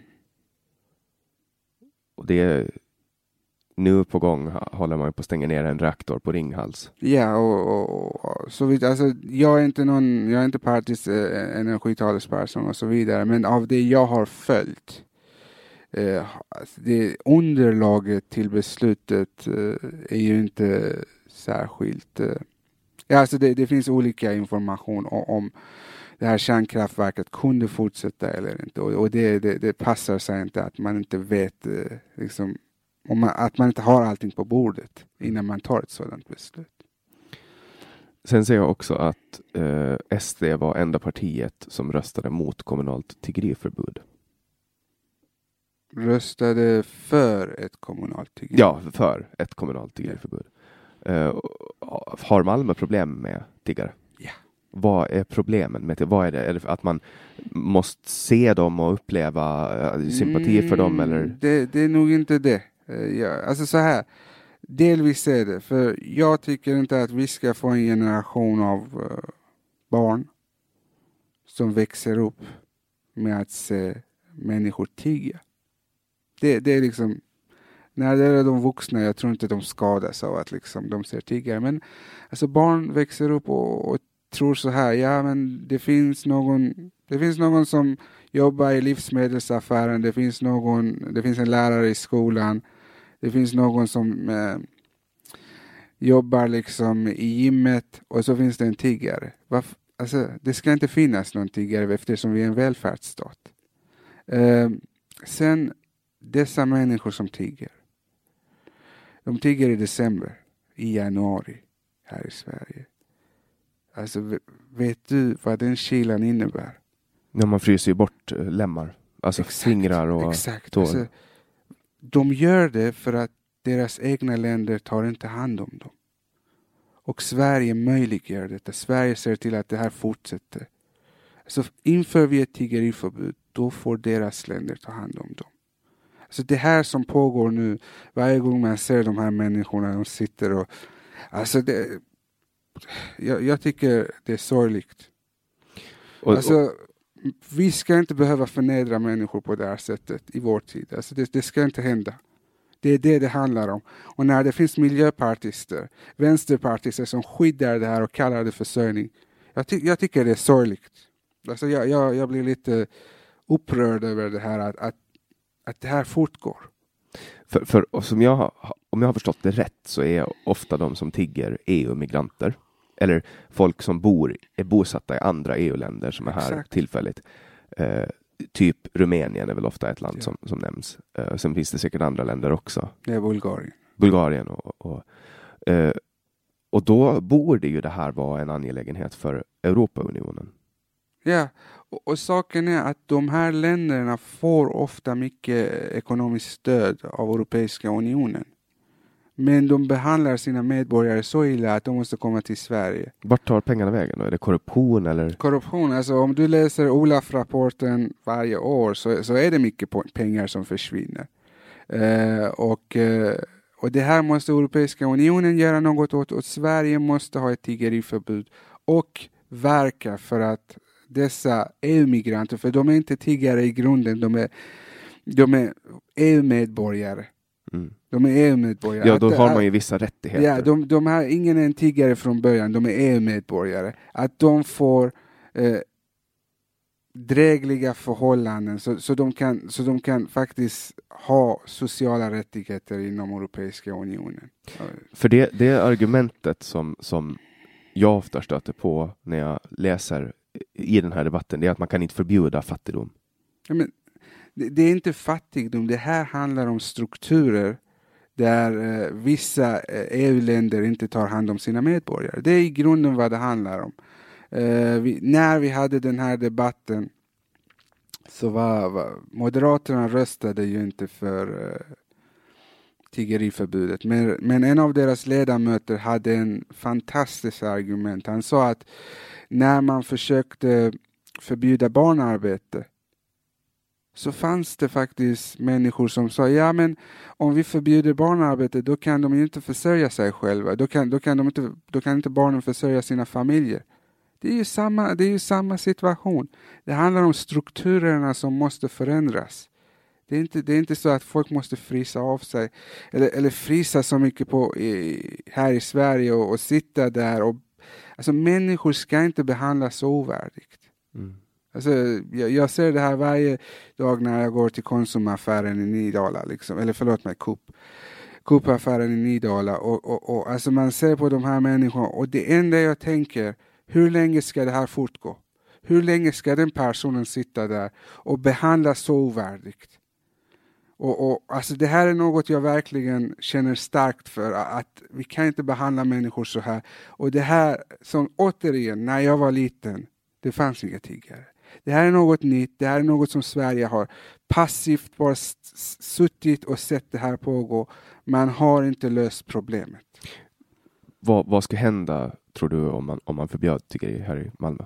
Jag tror att dessa EU-medborgare skulle åka hem till sina länder och kräva sina sociala rättigheter. Tror du att polisen skulle hinna med?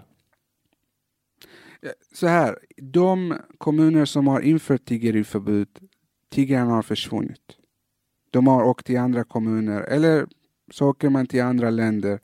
Och eh, jag tror om alla, eh, alla länder inför eh, tiggeriförbud i, i Europa då kommer de åka till sina hemländer och kräva sina sociala rättigheter. Och det, var, det är där det slutar. Det är där det slutar när de åker till sina hemländer, hemländer och säger vi har rättigheter, ni kan inte negligera oss på det här sättet. Det är så man löser problemet. Mm.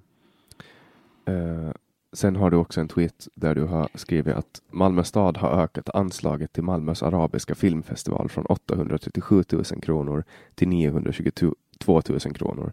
Är det överhuvudtaget rimligt att en svensk kommun finansierar en arabisk filmfestival? Enda partiet som har motsatt sig denna finansiering är SD. Mm. Vad, vad, vad får det att, eller vad får er att känna att, att, eh, att man inte ska kultivera den arabiska kulturen i Sverige? För det finns ju ändå väldigt många araber. Ja, absolut, fast eh, det, alltså, ingenstans i lagstiftningen står det att kommunen ska ansvara för att finansiera en arabisk filmfestival. Och återigen, vi har besparingar i kommunen just nu. Och framöver säger man att det kommer ske besparingar. Man, många kommuner klagar på att man inte får nog med statsbidrag för att, eh, för att finansiera kommunens verksamhet. Och så har vi Malmö stad med sina 5 miljarder, 5 miljarder i utjämnings, utjämningsbidrag som vill finansiera arabiska filmfestivaler.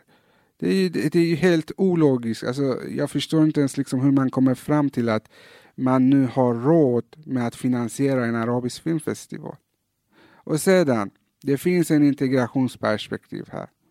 Att man ska, man ska helst se till, se till att eh, den svenska kulturen får eh, mer plats i en stad som Malmö där det, det, finns så många nyanlända, så många, så, så, många migranter och så många migranter som lever i segregerade områden där det finns utanförskap. Alltså, på något sätt måste de komma in i samhället. Och då hjälper det inte med en arabisk filmfestival. Mm. Uh, och, och så skriver du också Malmö stads kostnader för ekonomiskt bistånd, inom parentes och socialbidrag, för år 2019 var mer än 1,1 miljarder kronor. Första och enklaste steget i att sänka de kostnaderna är att sluta bevilja ekonomiskt bistånd till illegala immigranter. Bara sluta. Ja. Kan man göra det? Kan man bara sluta? Ja. Och, alltså, så här, det, det, är viktigt att jag förklarar det här. Uh, för att uh,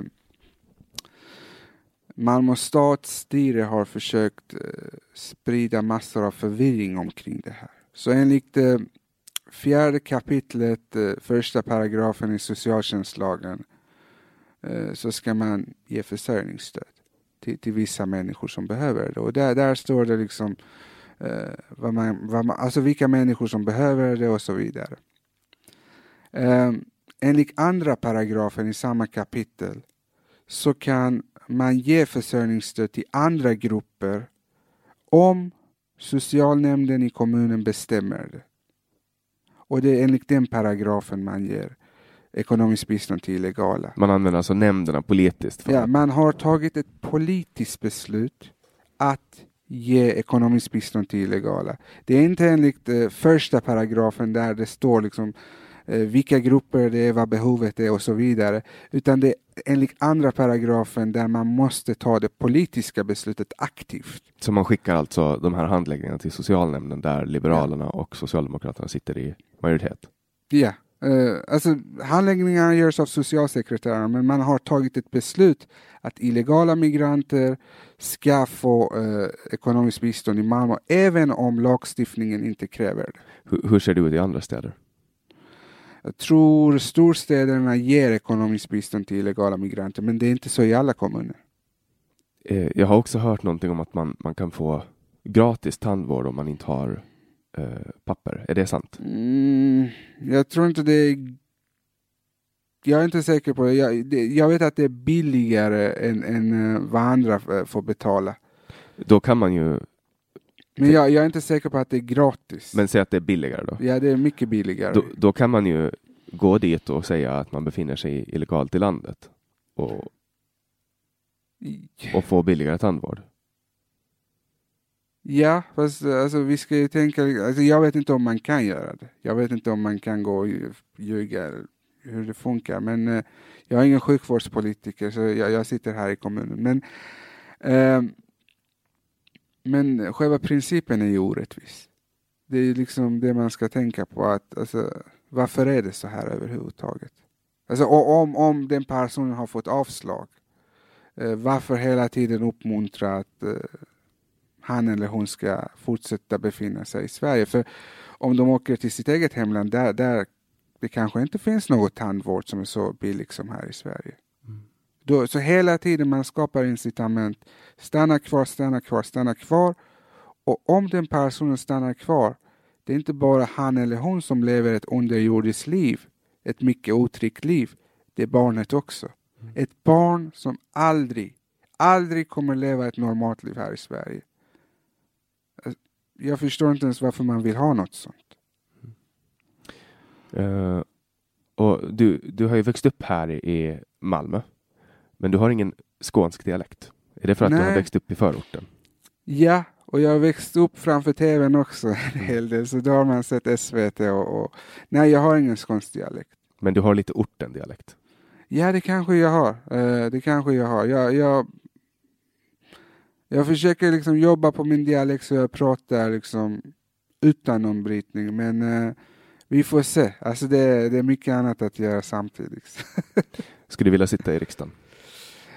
Det är inte något eh, jag tänker på just nu. Alltså jag kommer eh, absolut kandidera.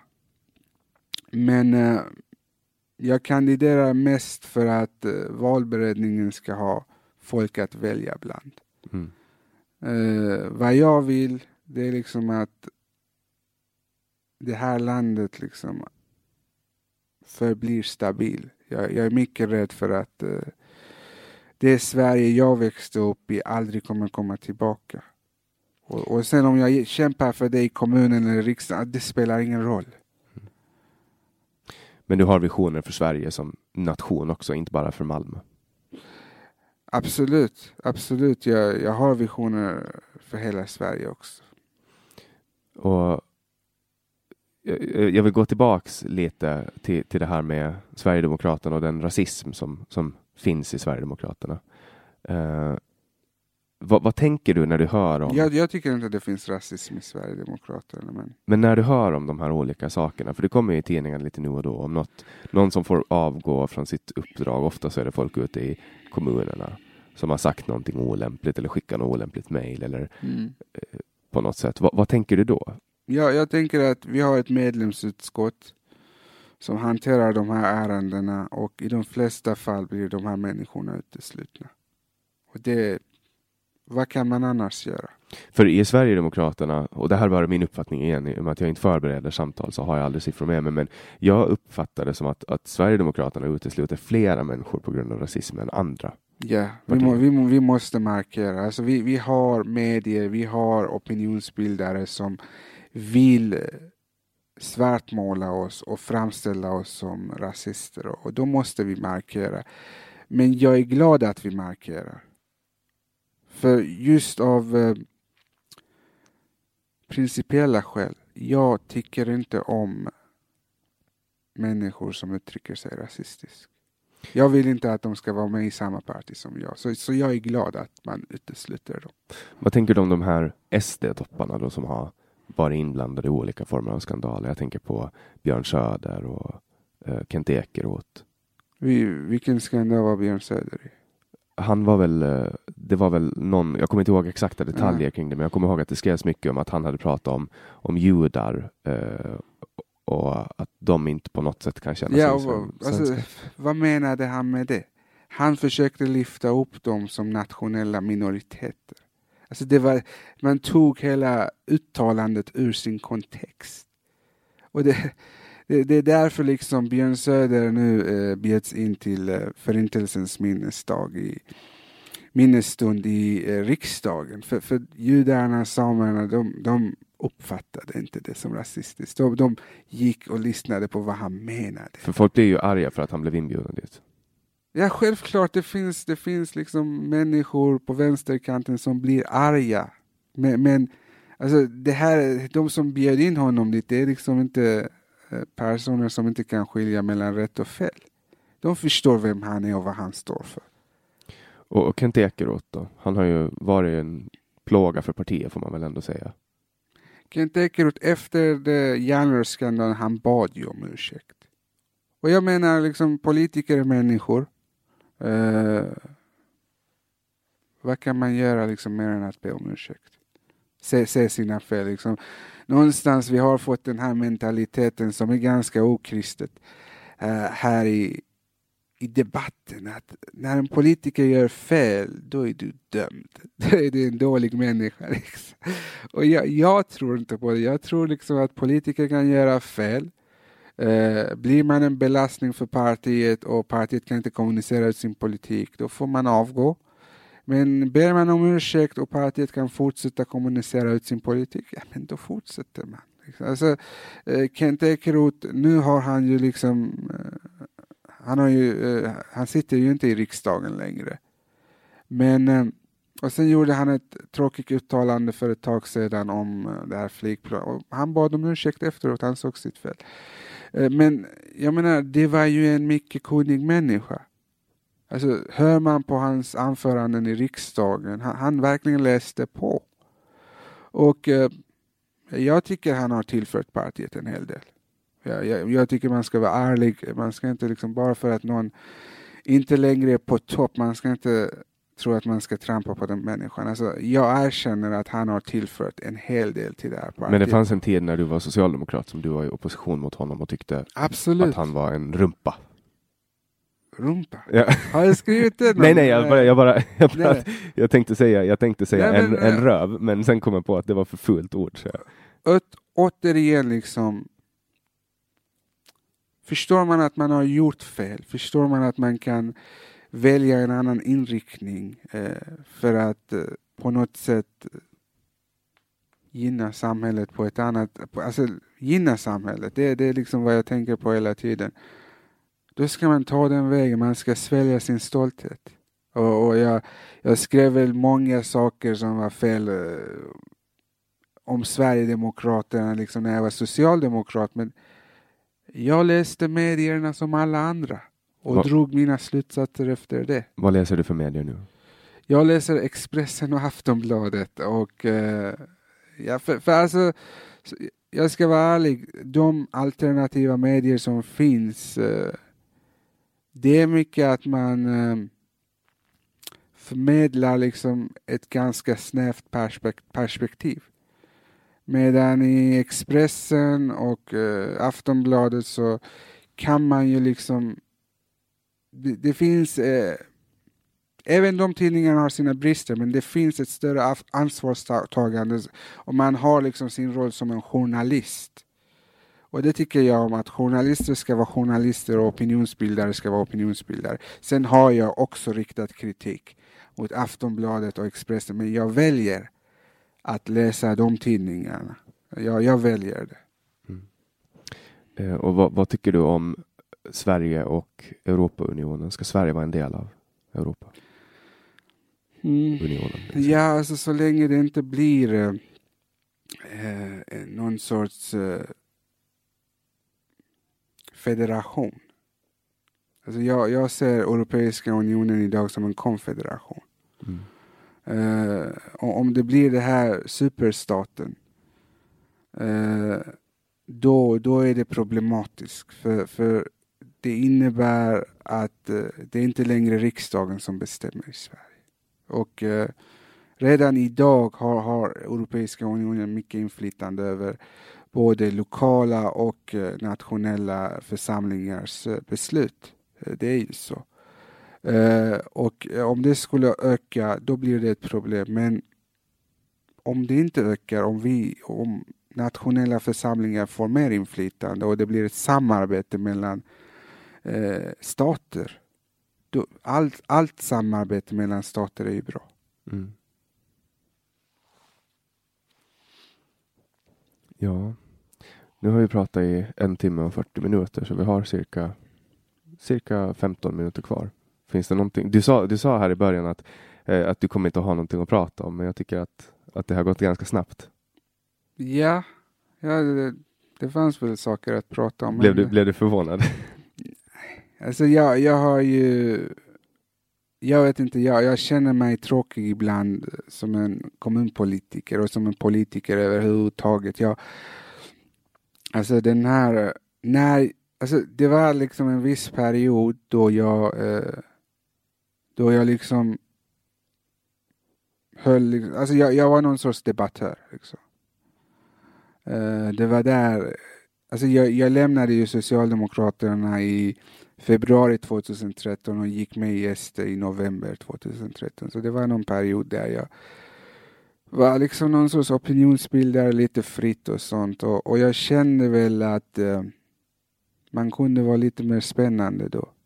Och eh, som politiker då måste man fördjupa sig i olika ärenden och alla är inte lika spännande men man måste ändå fördjupa sig och eh, eh, man, jag, jag är ju på sociala medier och jag ser vilka, alltså vad, vad folk tycker är spännande och vad jag läser om.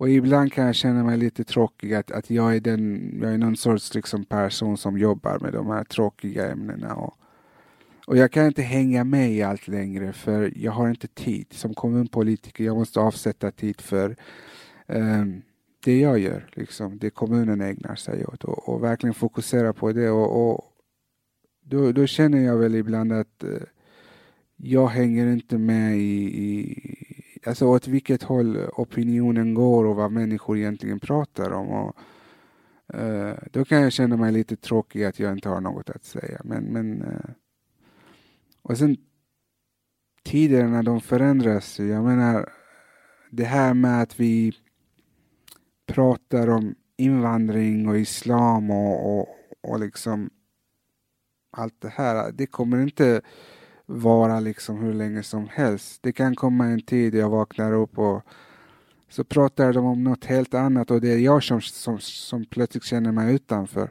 Ja, vi håller på att skifta över, eh, hela skandinaviska världen håller på att skifta över till att prata om klimatpolitik. Ja, och men välfärden kommer, tror jag kommer vara nästa stora ämne. Och, och det hör ihop med eh, hur många som jobbar och hur stor invandring vi har. Så absolut, klimatet det är viktigt och jag tror det kommer vara, vara ett mycket viktigt ämne. Men jag tror också att när välfärden sätts under press och urholkas att det kommer bli ett mycket viktigt ämne. Jag tror inte att eh, Eh, befolkningen i Skandinavien är beredd att skifta över till eh, den sortens, det, det sortens samhälle som finns i USA. Det är så mycket privatiserat. Jag tror absolut inte att eh, människor har ställt sig, ställt sig in på det där utan det kommer komma som en chock när vi, vi är ju redan inne i en välfärdskris. Alltså det finns ju massor av resurser som saknas framöver. Men när det väl kommer tror jag det kommer ändå komma som en chock. Tror, tror du att Sverige kommer att kollapsa? Att välfärden kommer att kollapsa? Nej, utan jag tror att uh, välfärden kommer ungefär, återigen, jag säger alltid Jämtland, men uh, det kommer bli ungefär så som välfärden är i vissa byar i Jämtland. Man har, liksom viss, man har vissa saker som behövs, som man enligt lagen ska ha. Och sen resten, allt det som uh, vissa politiker hittat på liksom för att vinna röster, det kommer man eh, göra sig av med, för, för det kommer man inte ha råd med. Eh, och det, det beror både på att vi, har, vi får en befolkning som blir äldre men också på grund av eh, att vi har många med utländsk bakgrund som har svårt att komma in på arbetsmarknaden. Eh, så, så det här välfärdskrisen kommer. Frågan är om hur vi hanterar det. Liksom. Vi, vi måste fokusera på välfärdens kärna på riktigt, inte bara säga det. Utan Ja. Min uppfattning av dig är att du fortfarande har kvar de här eh, socialdemokratiska värderingarna och för mig när jag lyssnar på många eh, sverigedemokrater så låter Sverigedemokraterna mycket som Socialdemokraterna lät för eh, 40-50 år sedan. Och jag blir lite så här när, när folk placerar Sverigedemokraterna på högerskalan. Jag vet inte riktigt om jag tycker att Sverigedemokraterna är så höger. Ty tycker du Men att... Sverigedemokraterna är inte höger, vi är ett mittenparti. För att för, för jag vet, ja, alltså, man, man, det finns ju de här sakerna som, som, som folk gör eh, när de vill svartmåla en, en eh, meningsmotståndare. Och det är att säga deras namn i samband med någonting som folk eh, har väldigt negativ känsla för, som till exempel det högerextremistiska Sverigedemokraterna eller Sverigedemokraterna som har täta kopplingar till högerextremism. Alltså, och så pratar man också om högern, att Sverige på, Sverigedemokraterna på något sätt skulle vara en del av högern. Var, varför tror du att folk gör det? Är det för att liksom guilt by association? Eller? Nej, alltså det handlar ju om det jag sa att eh, Socialdemokraterna ser oss som den stora utmanaren. Alltså Moderaterna är inte den stora utmanaren eftersom de har sina väljare. De, de har en vissa, Moderaterna har vissa väljare som kommer alltid rösta på dem. Och eh, Socialdemokraterna riskerar inte att förlora väljare till dem just nu. Medan vi, alltså vi pratar ju om saker som, precis som du sa, Socialdemokraterna brukade prioritera välfärden. Och nu kommer vi och vi visar i handling att vi prioriterar välfärden. Vi ser liksom invandringen och vi ser välfärden, vi väljer välfärden. Ut, utan, att liksom, utan några ursäkter, ingenting, inte liksom Alltså Socialdemokraterna säger att de väljer välfärden men sen tittar man på detaljerna och ändå liksom väljer de inte bort eh, en generös invandringspolitik. Och, och när väljarna ser att vi gör, vi gör det, då kommer de över till oss och då säger Socialdemokraterna att det är ett högerparti. De ska ni inte lita på. Det är den där svartmålningen igen. Och sen är det väl också lite skillnad när det kommer till skatter, att ni kanske inte vill ha så jättehögt skattetryck nej, nej. Som, som de vill ha. Ja, för, för, för saken är liksom om man eh, tar bort onödiga kostnader, varför behöver man eh, allt för höga skatter? Det mm. behöver man. Alltså, eh, det finns mycket som vi har här i Sverige som inte tillhör kärnverksamheten i välfärden. Vi pratade om modersmålsundervisning liksom, innan. Eh, det finns inom, nu pratar jag där jag är liksom engagerad, eller aktiv. Det är ju inom grundskoleförvaltningen här i Malmö, vi har något som kallas pedagogisk inspiration. Ingen vet vad de gör. Det är liksom en överbyggnad. Vi har pratat med facket. De, de vet, vi vet inte heller vad de gör. Liksom. Vi vill också ha bort dem. Alltså, det finns allt för många... Eh, det finns, vi har en alltför stor byråkrati inom kommunerna. Och börjar man ta bort det och fokusera sig på vad kommunerna enligt lagstiftning ska ägna sig åt, ja men då kommer man se vi behöver inte så höga skatter som vi har idag. Mm. Vad, vad, tycker du om Nordiska motståndsrörelsen? Vad tycker du att de borde förbjudas? Uh, jag tycker att de borde förbjudas.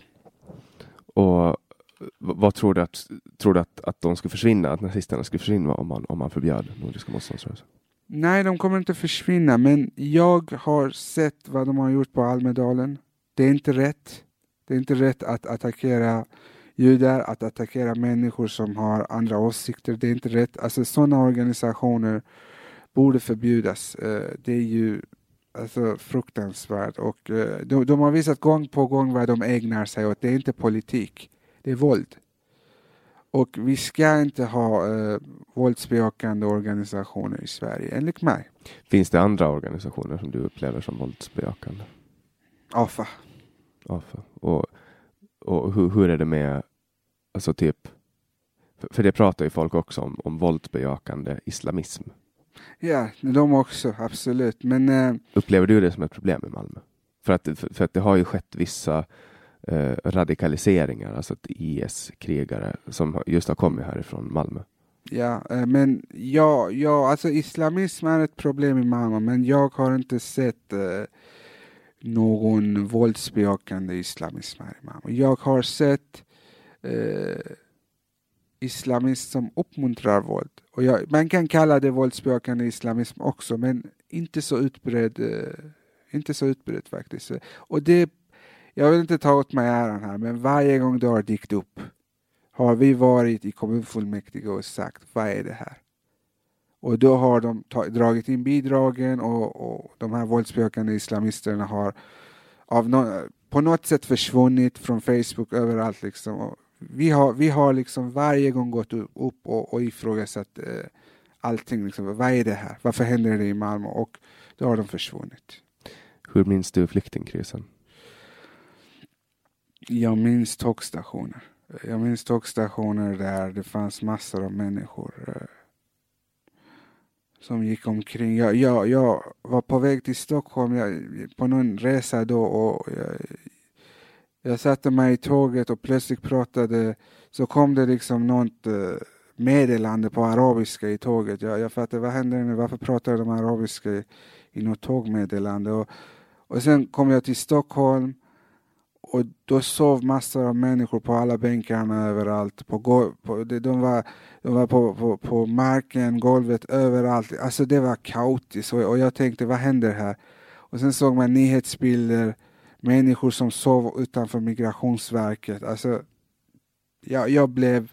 Alltså, i Sverigedemokraterna, vi hade liksom ensam berättat, berättat om det här, som, som det enda partiet faktiskt berättat vad som kunde hända. Men då kände jag väl lite så här att eh, jag gjorde helt rätt att jag gick med i SD. Alltså, jag gjorde helt rätt. Liksom. För, för här var något som vi såg och som vi berättade om vi fick så mycket kritik för det. Och nu händer det och, och, och, och vi hade rätt liksom. Det kanske man ska inte känna så här, vi hade rätt. Men, man, man, vi, vi fick mycket kritik för det överallt. Eh, Och fortfarande idag får vi kritik. Jag vet inte vad vi får kritik för idag längre. Mm. Men, men vi får ändå, jag menar, varje gång vi kampanjar, folk kommer fram till oss och kallar oss massor av saker. Men sen, sen träffar man massor av folk som tycker att vi är bra också. Men, men det, det är fortfarande tråkigt att det finns en grupp som behandlar oss illa och som anser att de har rätten att behandla oss illa trots allt som hände i den här migrantkrisen som vi hade. Jag menar, va- va- va- varför behandlar de, de oss illa idag? Jag, jag förstår inte. Men, mm. Ja. Och det var den tid vi hade. Tack så jättemycket Nima för att, Tack själv. för att vi kunde göra det här. Och till alla er som har lyssnat så hoppas jag att ni har haft eh, ett, ett vettigt, att ni känner att vi har haft ett vettigt samtal och att ni har lärt er någonting och, och kanske, kanske har vi hjälpt till att nyansera bilden av Sverige och Malmö. Eh, ni hittar flera samtal på vår hemsida www.samtal.ax. Ni får också gärna gå in och stödja det här helt i övrigt ideella projektet genom Patreon Eh, på patreon.com samtal. Vi släpper nya samtal alla onsdagar året runt. Eh, ni får självklart gå in och önska gäster. Det finns ett formulär som ni kan fylla i på hemsidan. Ni kan också mejla eller skriva på Facebook. Alla gäster tas i beaktande och jag uppskattar jättemycket till alla som har tipsat. Producent för det här avsnittet var Didrik Svan. Jag heter Jannik Svensson och du har lyssnat på podcasten Samtal.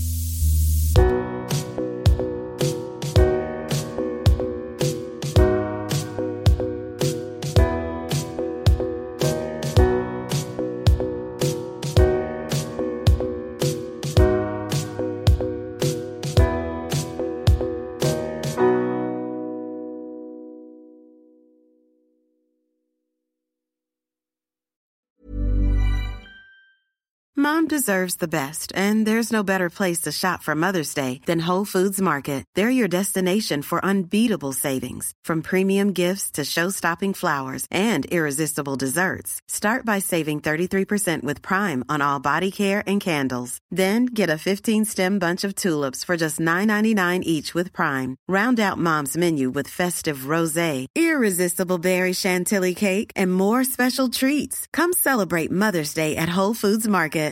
Cool fact a crocodile can't stick out its tongue. Also, you can get health insurance for a month or just under a year in some states. United Healthcare short term insurance plans, underwritten by Golden Rule Insurance Company, offer flexible, budget friendly coverage for you. Learn more at uh1.com. Hey, it's Danny Pellegrino from Everything Iconic. Ready to upgrade your style game without blowing your budget? Check out Quince. They've got all the good stuff shirts and polos, activewear, and fine leather goods, all at 50 to 80% less than other high end brands. And the best part? They're all about safe, ethical, and responsible manufacturing. Get that luxury vibe without the luxury price tag. Hit up quince.com slash upgrade for free shipping and 365 day returns on your next order. That's quince.com slash upgrade.